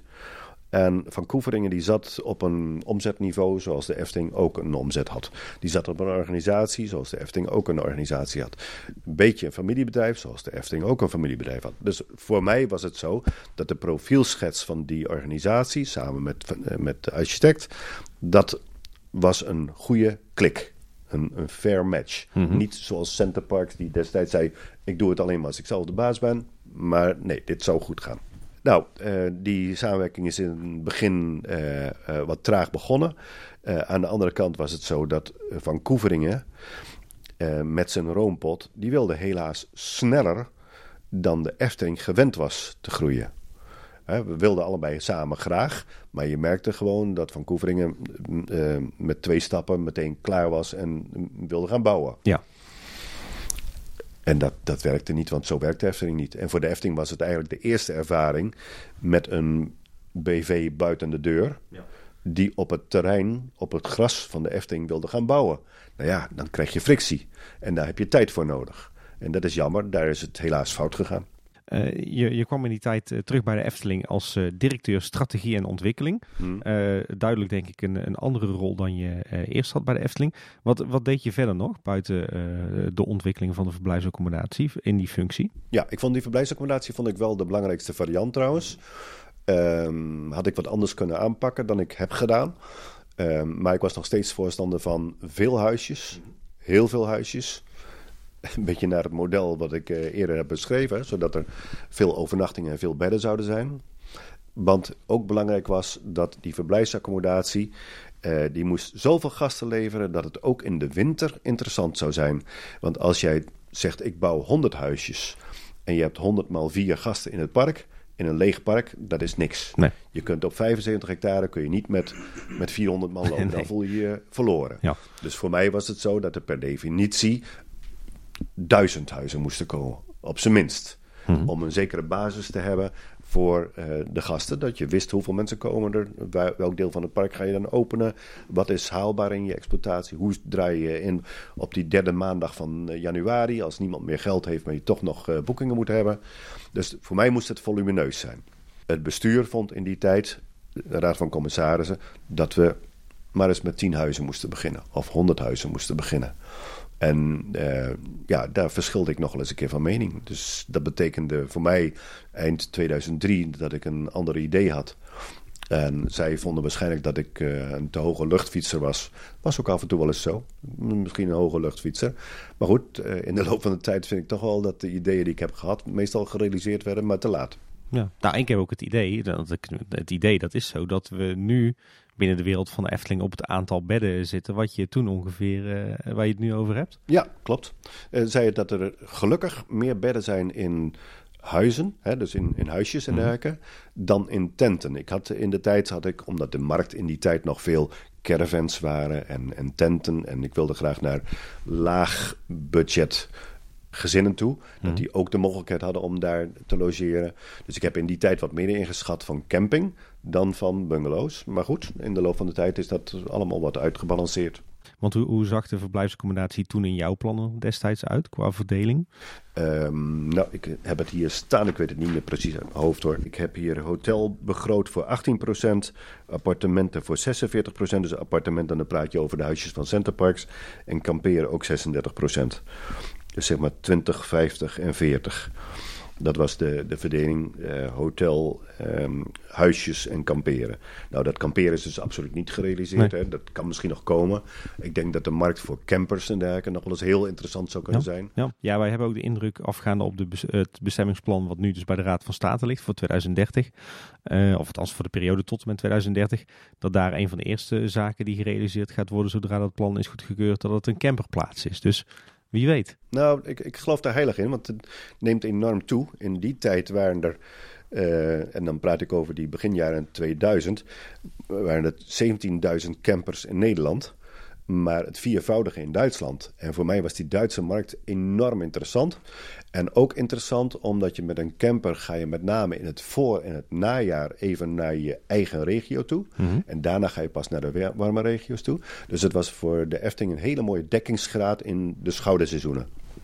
Ja, jouw visie was van, ik zie liever heel veel huisjes verschijnen. Uh, vanuit de, de rest van de organisatie was het misschien wat, uh, waren ze wel sceptisch. Uh, maar je had altijd wel het vertrouwen van, als je dit gaat neerzetten bij de Efteling, dan moet het wel goed komen. Dan moet het wel vol zitten. Ja, maar nou dan moet ik daar eerlijkheidshalve wel bij zeggen dat mijn vertrouwen is gebaseerd op mijn natte duim. Dus uh, uh, natuurlijk wilde ik daar heel veel onderzoek naar doen. Dat hebben we ook gedaan. Uh, we hebben een onderzoek gemaakt over de reus ontwaakt. Destijds nog met ZKA.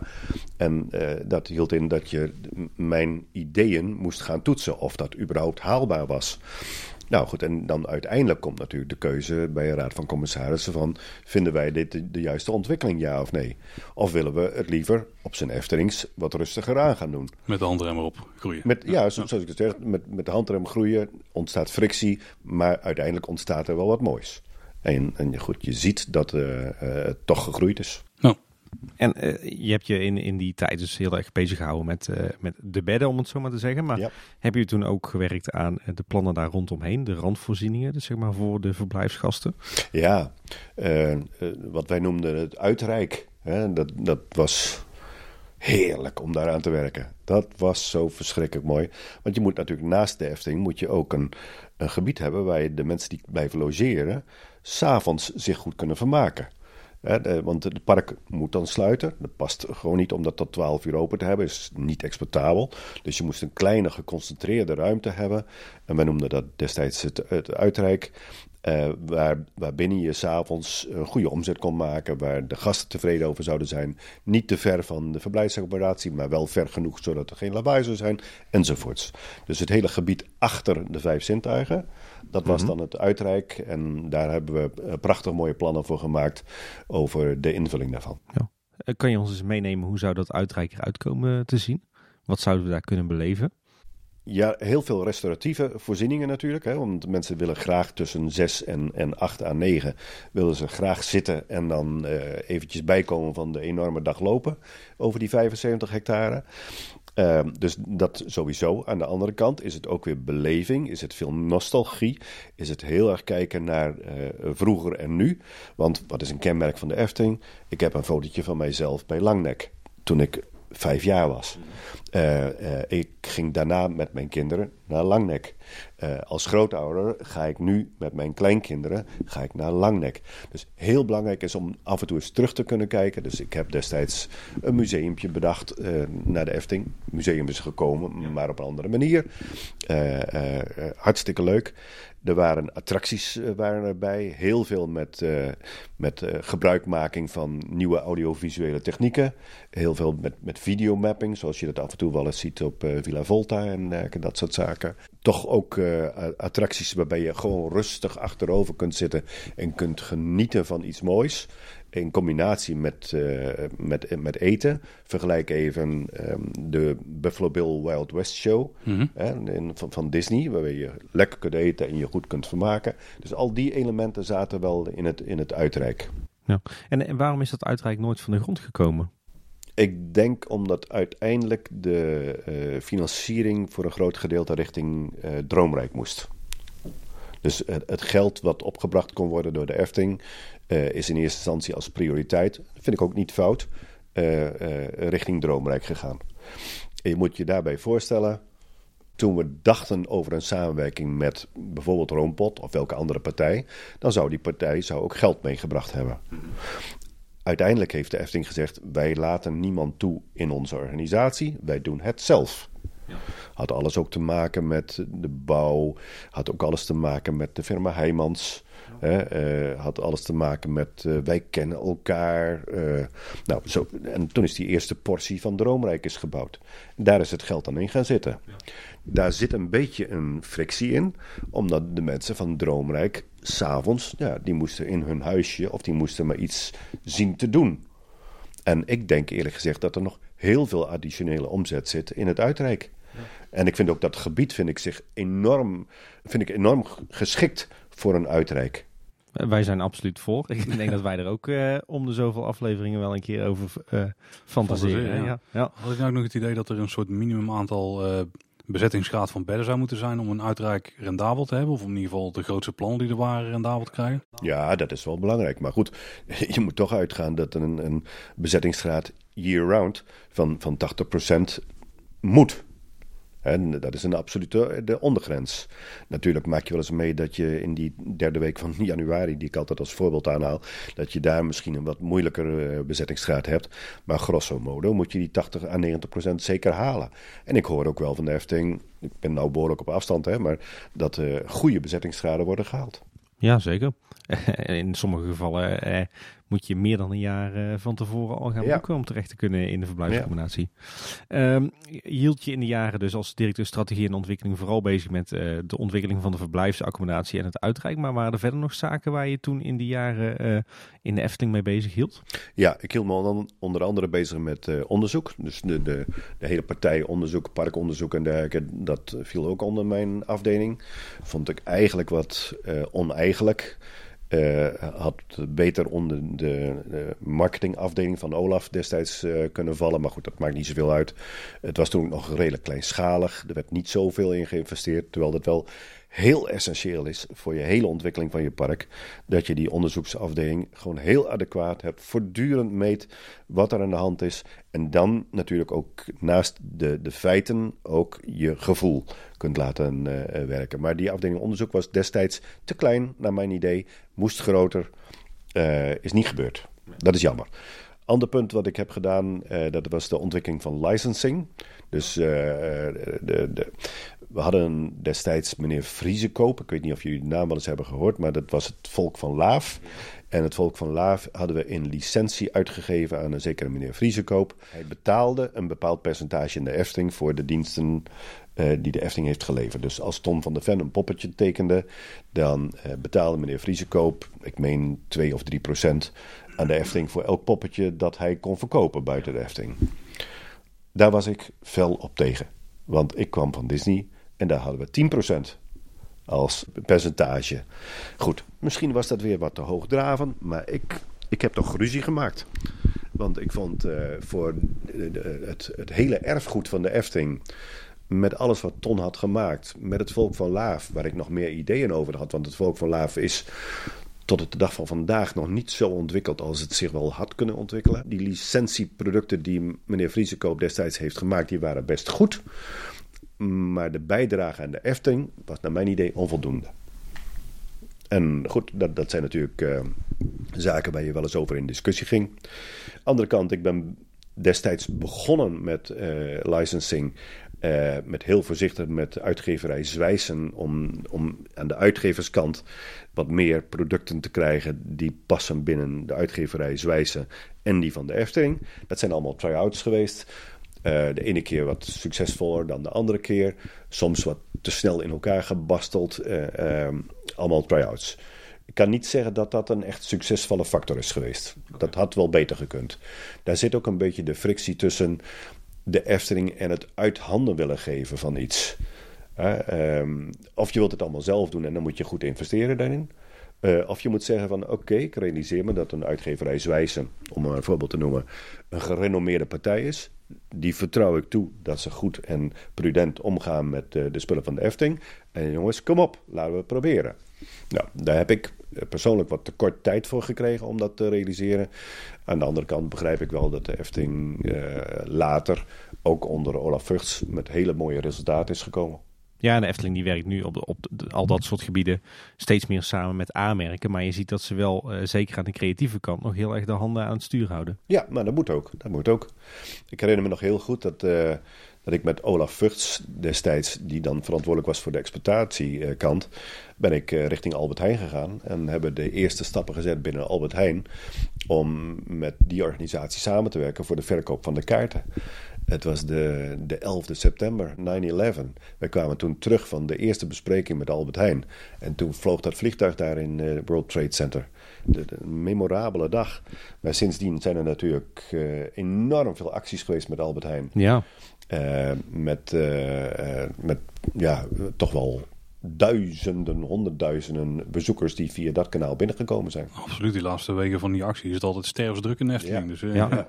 Denk dat we, dat we ervan zouden schrikken, denk ik, als we horen hoeveel kaartjes dat de Efteling nou werkelijk verkoopt uh, dankzij die Albert Heijn acties. Ja. Terug naar een, een, paar minuten geleden. Je haalde aan, uh, want er ligt ons namelijk uh, erg aan het hart, het lavelaar.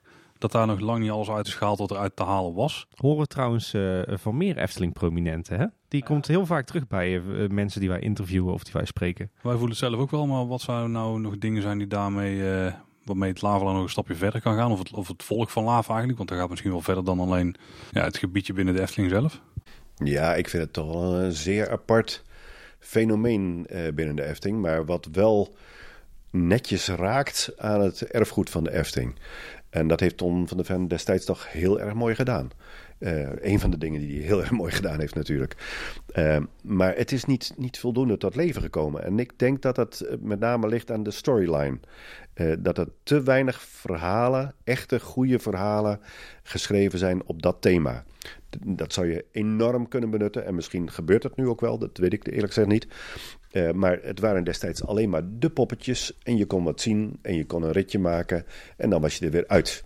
Maar daar, daar zit geen verhalen in achter. Kijk, het is natuurlijk ook zo dat een sprookje is een verhaaltje dat bij de Efteling in beeld werd gebracht. En het volk van Laaf, dat zijn poppetjes die daar staan die misschien wel eens ergens een verhaaltje hadden van dat ze ergens uit de grond komen enzovoort. Maar daar was het dan ook. En daar gebeurde verder niks mee. Het, het, was een beetje een kale attractie. En dat is doodzonde voor de kracht van die hele wijk daar van het, het volk van Laaf. Dus er wel bijvoorbeeld boeken mogen uitbrengen die, dat wel, die meer het achtergrondverhaal dan laten brengen. Of die misschien karakters uit het dorp pakken en daar de verhalen van vertellen zo. Ja, dat soort dingen. Ja. Spannender maken. Uh, kinderen mee laten opgroeien. Uh, een eigen leven laten leiden. Ik geef je even het volgende voorbeeld.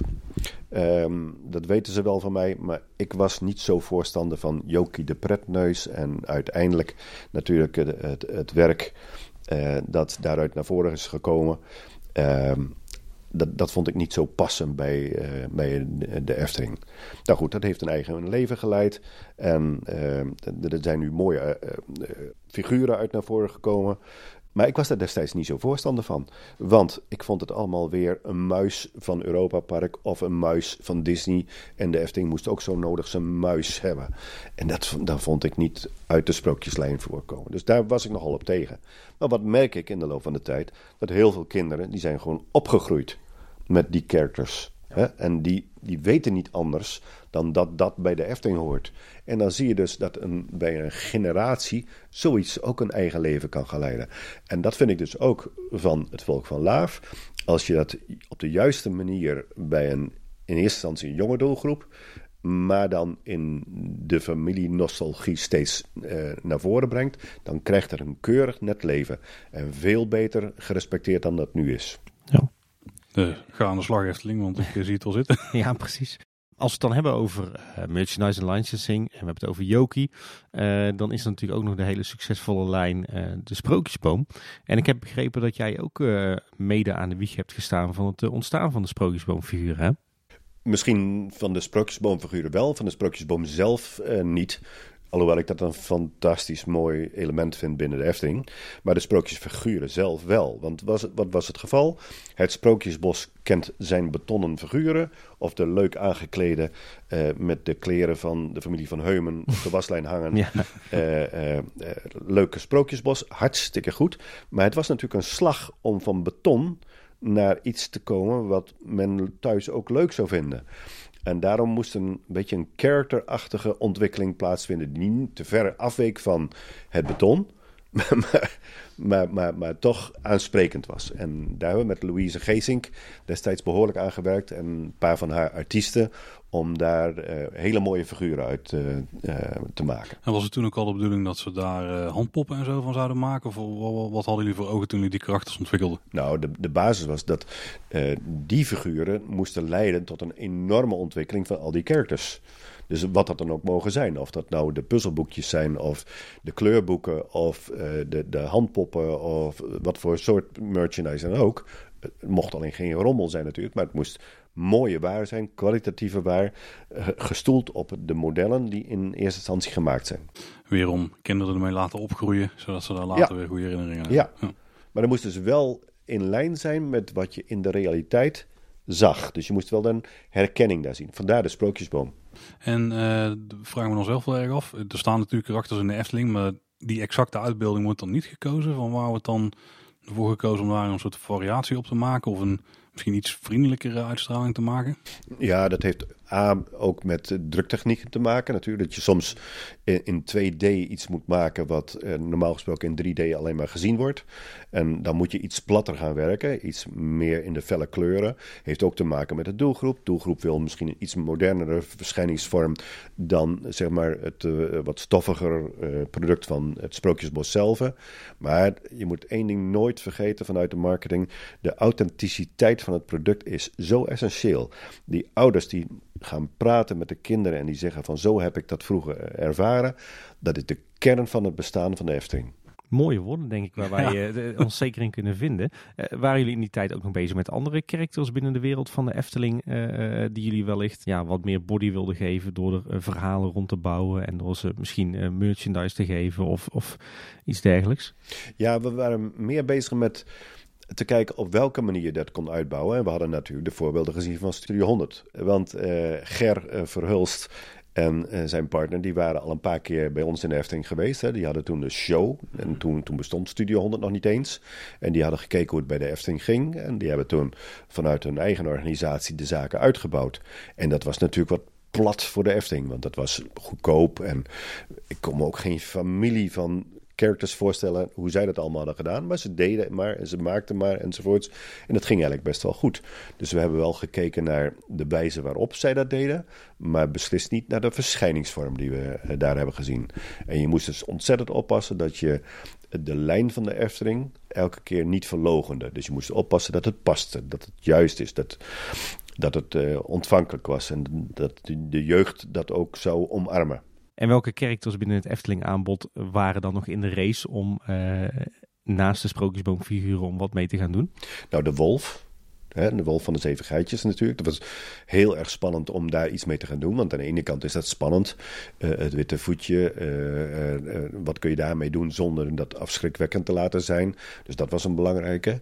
een hele interessante was en een hele moeilijke is natuurlijk Langnek. Daar wilde je wat mee gaan doen. Maar de fragiele nek van Langnek, zowel in de poppetjes als anderszins, was gewoon in de uitvoering allemaal lastig. Dus zo krijg je er allerlei kleine dingetjes die daarbij komen kijken. En wat uiteindelijk dan leidt tot een keuze van dat wil ik wel of dat wil ik niet.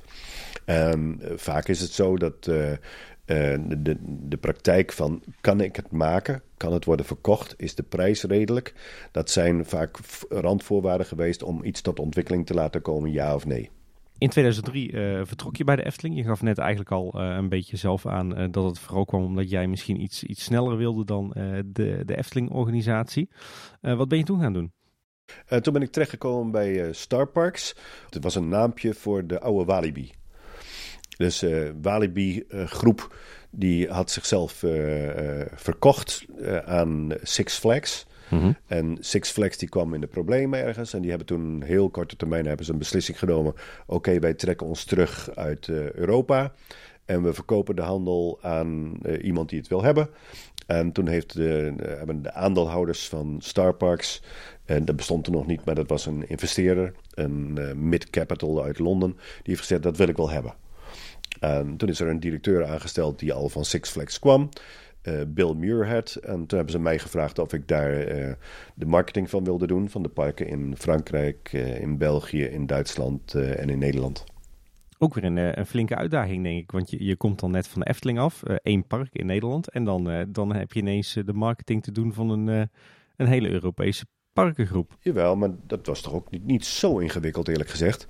Want in, in feite was dat de klus die ik bij Disney deed. Maar dan misschien net op een iets praktische manier want Disney is dan heel groot, met heel veel mensen, met heel veel richtlijnen. En dit was dan ook wel groot, dus Europees. Ehm, iets platter in de markt. Hè. Het, was, het was niet uh, Premier League. Het, het was wat meer de snelle jongens, achtbanen en, enzovoorts. Iets wat jongere doelgroep. En daar pak je dan de marketing voor op. Dus dat was een, een, leuke uitdaging om dat in die landen te doen.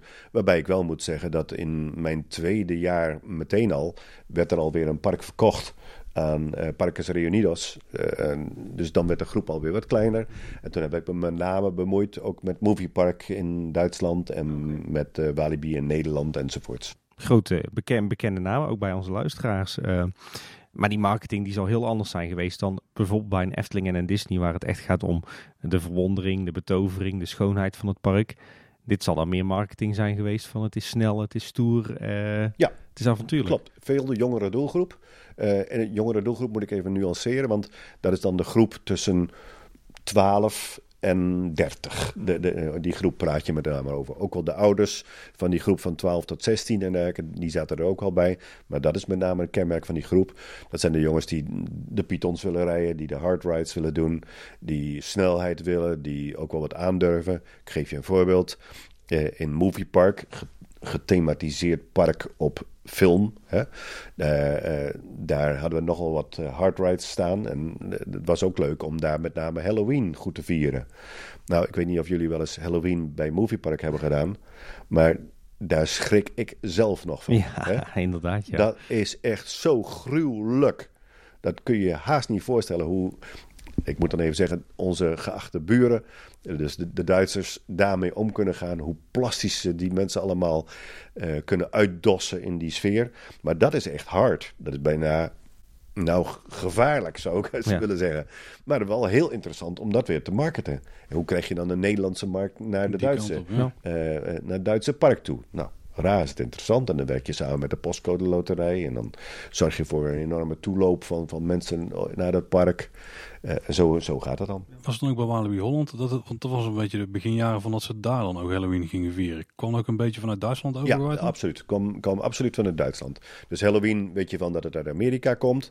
Maar omdat het een filmthema was, heeft Duitsland dat heel snel omarmd in Duitsland zaten er ook een paar goede mensen. Eh, goede mensen die vanuit uh, zeg maar die, die regie uh, van toneelscholen en dergelijke kwamen. Die, die, die Halloween-sferen ontzettend goed konden realiseren. toen dat binnen de groep van Starbucks lekker liep, heeft Walibi Holland het ook overgenomen. En die hebben toen ook een leuke variant gemaakt met die, die clown die dan in Nederland behoorlijk bekend is. Ik ken zijn naam even niet meer, maar ze zijn er ook steeds sterker in geworden. Ik ben overigens blij dat de Efting zich afzijdig heeft gehouden van die gruwelijke manier van, uh, van Halloween vieren. Ja, daar volharden, volharden ze gelukkig wel in. Doen, ja, doen blijven doen. En andere dingen zoeken. Ja. Kees, je bent eigenlijk verantwoordelijk geweest voor de marketing van heel veel verschillende pretparken in, in Europa. Efteling, Disneyland Parijs en een aantal van de, uh, de andere parken hier in de regio. Bij welk park heb jij je nou nu terugkijkend het meest thuis gevoeld? Ja, uh, voor mij privé en, en, en ook uh, in mijn, mijn werksfeer uh, zeg ik altijd dat de kwaliteit van leven bij de Efteling het allermooist was. Ik kan het niet anders zeggen. Ik heb bij Disney genoten.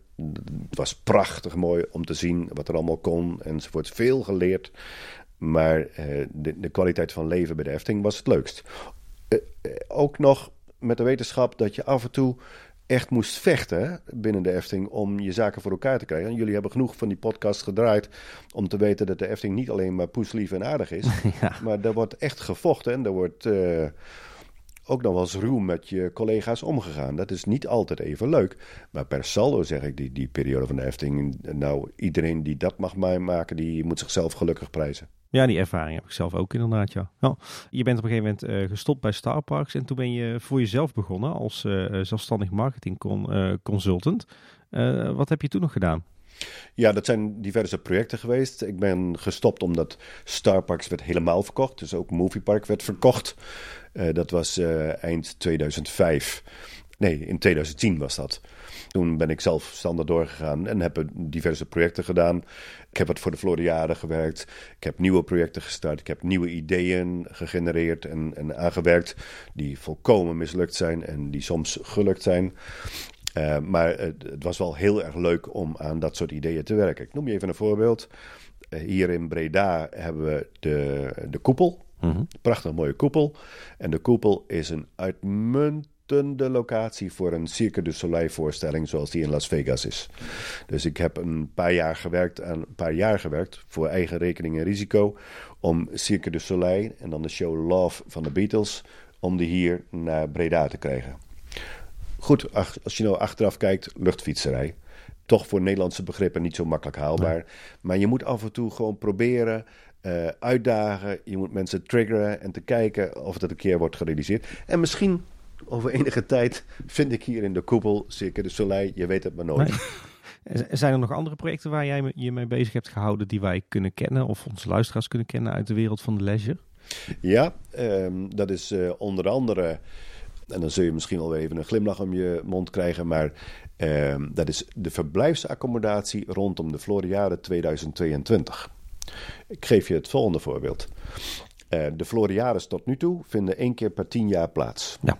De Floriades tot nu toe zijn altijd dagrecreatie geweest. Mm -hmm. Het is een wereldtentoonstelling en het is dagrecreatie. Nou, hoe dat zot, is gek. Ja. Hoe zot kun je het hebben? Dus wat was mijn hele logisch idee naar al het werk wat ik gedaan heb in, in mijn periode. Hoe kan ik nou zorgen dat er bedden komen bij de Floriade? Ja. Nou, en toen heb ik uh, met de gemeente Almere, met de Floriade enzovoorts... allemaal uh, afspraken gemaakt uh, om te kijken of de wijk die op het terrein van de Floriade zou komen na de Floriade, mm. niet naar voren kan worden gehaald. Dus met andere woorden, de, de, de 900 woningen die daar gepland waren, Mhm. of die niet eerder gebouwd konden worden, zodat ze tijdens de Floriade konden worden gebruikt als verblijfslocatie. Dan heb je 900 woningen maal 4 bedden. Dan heb je ook weer 3000 bedden per dag, waarvan je weet zoveel mensen gaan er komen. Hm. Nou, Slim. dat- Ja. Dat hele plan. Wat is er gebeurd? Ik heb eh, met, een- met een aantal collega's keihard gewerkt om te kijken of we dat konden realiseren. We hebben een projectontwikkelaar, Amvest, weten te vinden. Een kapitaalkrachtige organisatie die mooie projecten maakt. Samen met Amvest hebben we ons ingeschreven bij eh, de gemeente Almere om het voor elkaar te krijgen. En inderdaad hebben we het voor elkaar gekregen om van tevoren te bouwen. Dus om het er al neer te zetten. Mhm. Wat gebeurt er natuurlijk? De wereld van de bouw is een andere wereld dan de wereld van de leisure. Mhm. En dan zie je weer dat de stenen op een andere manier op elkaar gestapeld worden. En dan eh, zie je de frictie tussen. eh, oh, wat gebeurt er nou? Wordt er met onze stenen iets anders gedaan dan wij gewend zijn? En uiteindelijk is het zo dat er misschien 100 huizen zijn die worden gebruikt voor de verblijfsaccommodatie. En niet de 900 die ik nodig zou hebben om voor Almere een goed product te Ja. maken. Dus leuk idee. Gaat ook nog wel een keer komen. Maar eh, niet meer in mijn bestaan. Ook daar de handremmer op. Derde hand er maar op. Eh, Kees, als we terugkijken op, eh, op jouw, eh, jouw tijd bij de Efteling. ehm, wat zijn dan voor jou hele mooie momenten geweest? Of, of zaken waarvan je nu zegt, terugkijkend van... Nou, dat maakt voor mij de Efteling. Ja, leuke, leuke vraag. Ehm, wat, wat echt fantastisch was om te mogen ervaren, is eh, in de eerste periode onder andere het samenwerken met de heer ten Bruggekaten.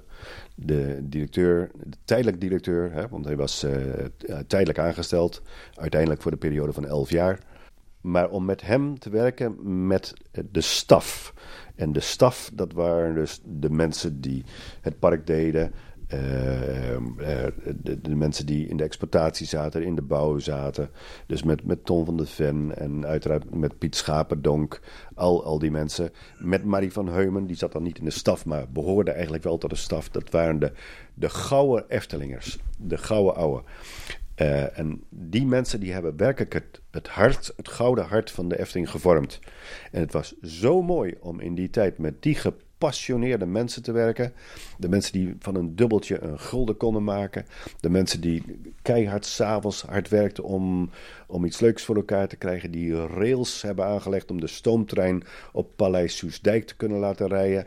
Nou, je kunt het zo gek niet verzinnen, maar daar zat een passie achter de periode, die heb ik dan helaas niet meegemaakt. Maar toen de Python er moest komen. eh, en eigenlijk mensen tegen waren dat de Python eigenlijk niet mocht zijn. Maar hoe, hoe de mensen toen hebben gewerkt, gevochten om het toch voor elkaar te krijgen. Dat gouden hart van die mensen is essentieel geweest voor de groei van de Efteling.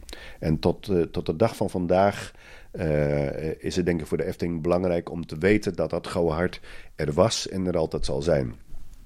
Daaraan gekoppeld eh, vind ik het museum. eh, het misschien, klinkt misschien wat oudbollig, maar het museum is essentieel voor de groei van de Efteling. Kijk eens even naar het eh, museum in Den Bosch. Die heeft een keer een tentoonstelling gehad over nostalgie. En die tentoonstelling over nostalgie is een van de meest succesvolle tentoonstellingen geweest die het museum ooit heeft gehad. Nou, bij de Efteling geldt dat ook. Die nostalgie, die, die herkenning, het feest van de herkenning.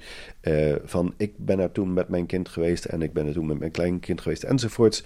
Dat moet absoluut in dat museum steeds naar voren komen. En het mooie is, als de mensen, die gouden oude die bij de Efteling gewerkt hebben, als die elke keer na hun pensionering ook aan dat museum kunnen gaan werken, blijven werken, een soort sociale interactie hebben en dan steeds proberen dat museum wat beter te maken. Dat is zo belangrijk. Houden zo.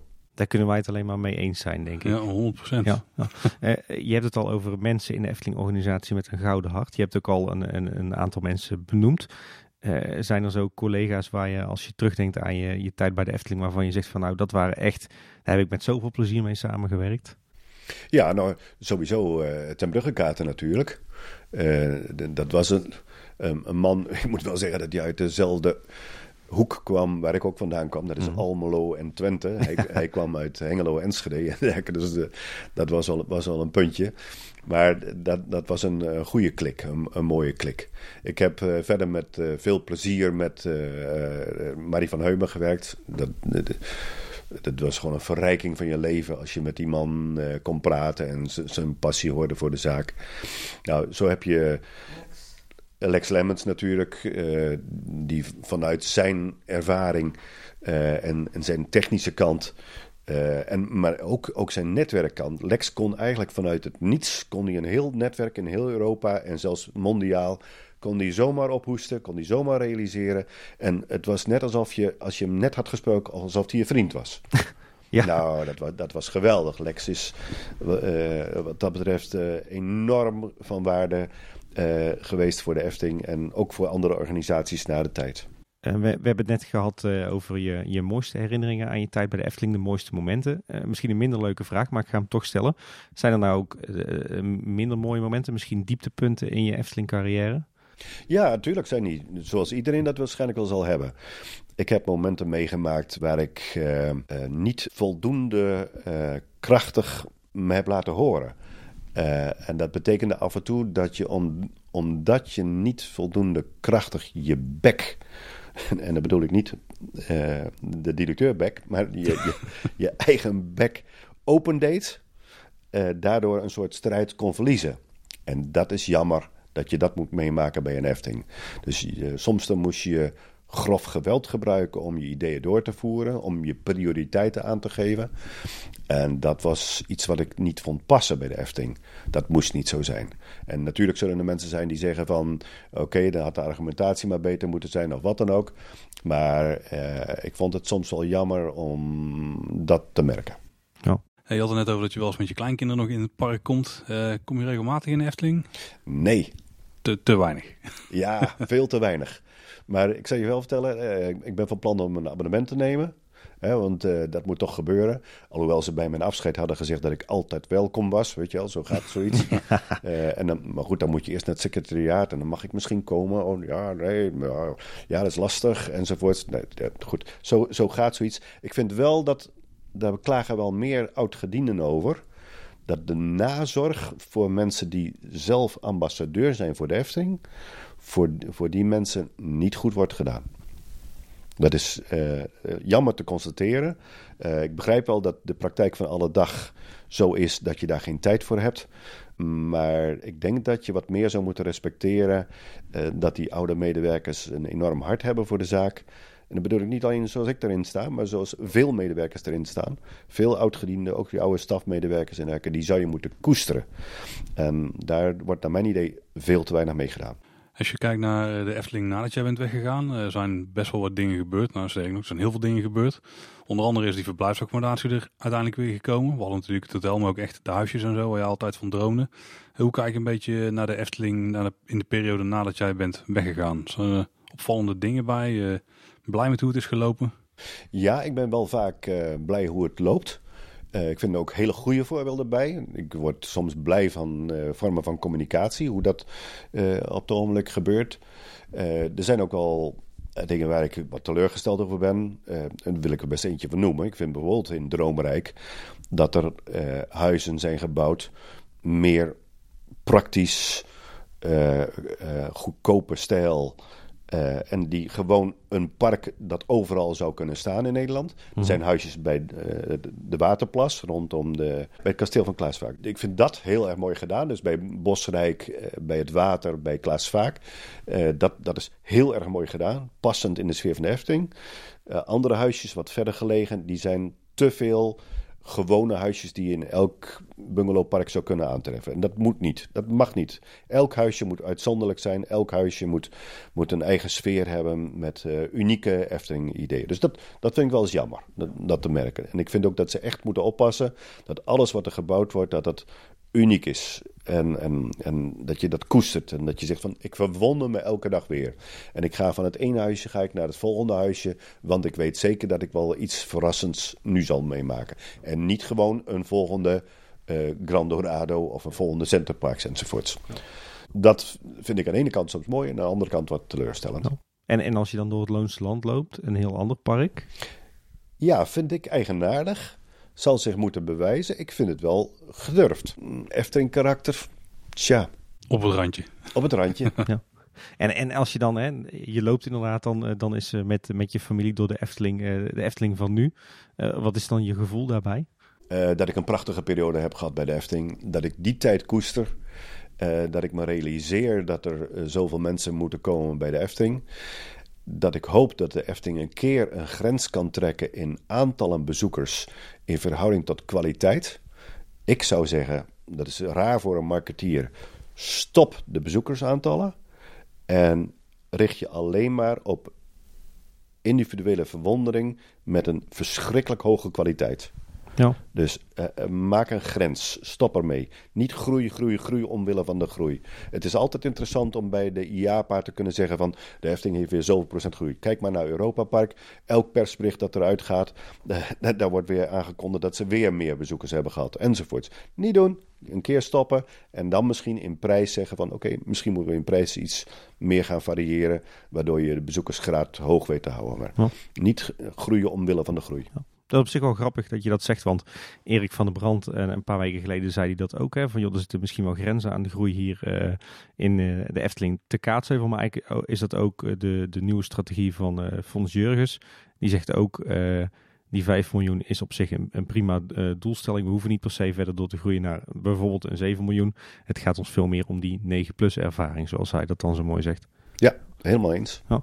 En eh, heb jij nog, uh, stel dat, dat dat aan jou gevraagd zou worden, heb jij nog advies voor hoe de Efteling zich dan de komende jaren zou moeten ontwikkelen? Niet alleen in het park, maar ook de wereld van de Efteling. Wat zou jouw visie daar nog op zijn? Nou, ik hoop van harte dat ze daadwerkelijk een keer een goede combinatie weten te leggen met het uitrijk. Mhm. dat, dat, er tussen het slapen in, in, in Droomrijk en het park. Dat daar een, een, een prachtig mooi element gaat ontstaan. Waar misschien ook een second gate aan kan worden gekoppeld. Waar misschien ook eh, iets van wereldfaam uh, aan kan worden gekoppeld. Maar dat zou in het Uitrijk als centraal plein, als centrale locatie. Uh, dat zou nog moeten worden gerealiseerd, naar mijn idee. Heel erg mooi zou de Efteling dat kunnen. Prachtige ideeën liggen er allemaal op de plank. Een keer oppakken en realiseren. En je zegt Second Gate, iets met wereldfaam. Waar zit je aan te denken als Second Gate? Nou, dat moet per definitie een eigen ontwikkeling zijn van de Efteling. Mm Persoonlijk zou ik dat mooi vinden als dat iets wordt in de sfeer van Cirque du Soleil. Uh, oftewel uh, een collega van Cirque du Soleil die op het ogenblik in China heel erg mooi aan het werk is. Uh, waarvan me de naam even is ontschoten, maar die, die doet het ook heel erg goed. Dus die verwondering, dat is een show van anderhalf, twee uur. waar je veel geld voor betaalt, maar waar je je ogen uitkijkt. Zo fenomenaal als dat is. Dat zou een second gate zijn die wat mij betreft heel erg goed past additioneel en ook dus niet cannibaliserend op het park. Dat is gewoon een, een hele goede als je dat koppelt. En wat ik ook leuk zou vinden is, uh, daar ben ik in 2000 mee gekomen met dat idee. Uh, ik had de, de, show gezien van Bellagio, de fontein van Bellagio. Mm. En dat vond ik zo verschrikkelijk mooi en zo passend in de Efteling. Uh, dat ik ook met het voorstel ben gekomen om zoiets te maken. Omdat het in alle seizoenen, op elke tijd, met een andere software, altijd gemaakt zou kunnen worden met andere kleuren. En nou, dat had enorm veel voordelen. Enorm veel publiek kan het zien. Ook, ook praktische nadelen, dat is allemaal wel. Maar de Aquanura die er nu is, hadden we in feite in 2000 voorgesteld. Ja. Goed, Bart de Boer is er toen meegekomen en heeft het gerealiseerd. Ik ben hartstikke blij dat het er nou is. Daar kun je nog veel meer mee doen. Ja. Dat denk ik ook. Wel leuk om te horen trouwens dat dus Aquanura helemaal geen Bart de Boer idee is. ja. Hebben we toch wel mooi even opgehelderd in onze podcast. Nou, Bart heeft het wel gerealiseerd. Dus met andere woorden, ja. hij heeft het voor elkaar gekregen om binnen de Raad van Commissarissen dat erdoor te krijgen. En dat moet je toch meegeven. Ja, om zoveel geld uit te trekken voor een fonteinenshow, dat is toch wel een prestatie. Hey, en dan als we het dan hebben over, over andere dingen die je hebt gezien uh, op de wereld. Zijn er nou nog zaken die de Efteling zou kunnen leren van jouw andere werkgevers, zoals uh, Disneyland Parijs, uh, Starbucks en Grandorado? Nou, ik denk dat het goed is dat je af en toe mensen uh, in dienst neemt, zoals ik dat zelf ook een tijdje heb gedaan, die die ervaring hebben. Daar kun je van leren, daar kun je iets van opsteken. Dat zijn misschien alleen maar kleine dingen. Maar schoenmaker, en dat geldt voor Kaatsheuvel natuurlijk helemaal, blijf bij je leest. Ja. Zorg, zorg, ervoor dat je je eigen pad trekt en, en maak er wat moois van. Een voorbeeld van ook een authentiek park en uniek in de wereld is wel Xcaret in Mexico. En dat is een, een park in een omgeving gemaakt door een, een, een architect.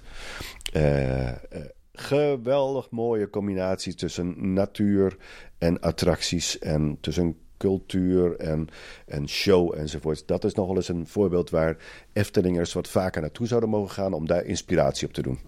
Ik uh, denk dat we er zelf ook maar een keer heen moeten om inspiratie op te doen.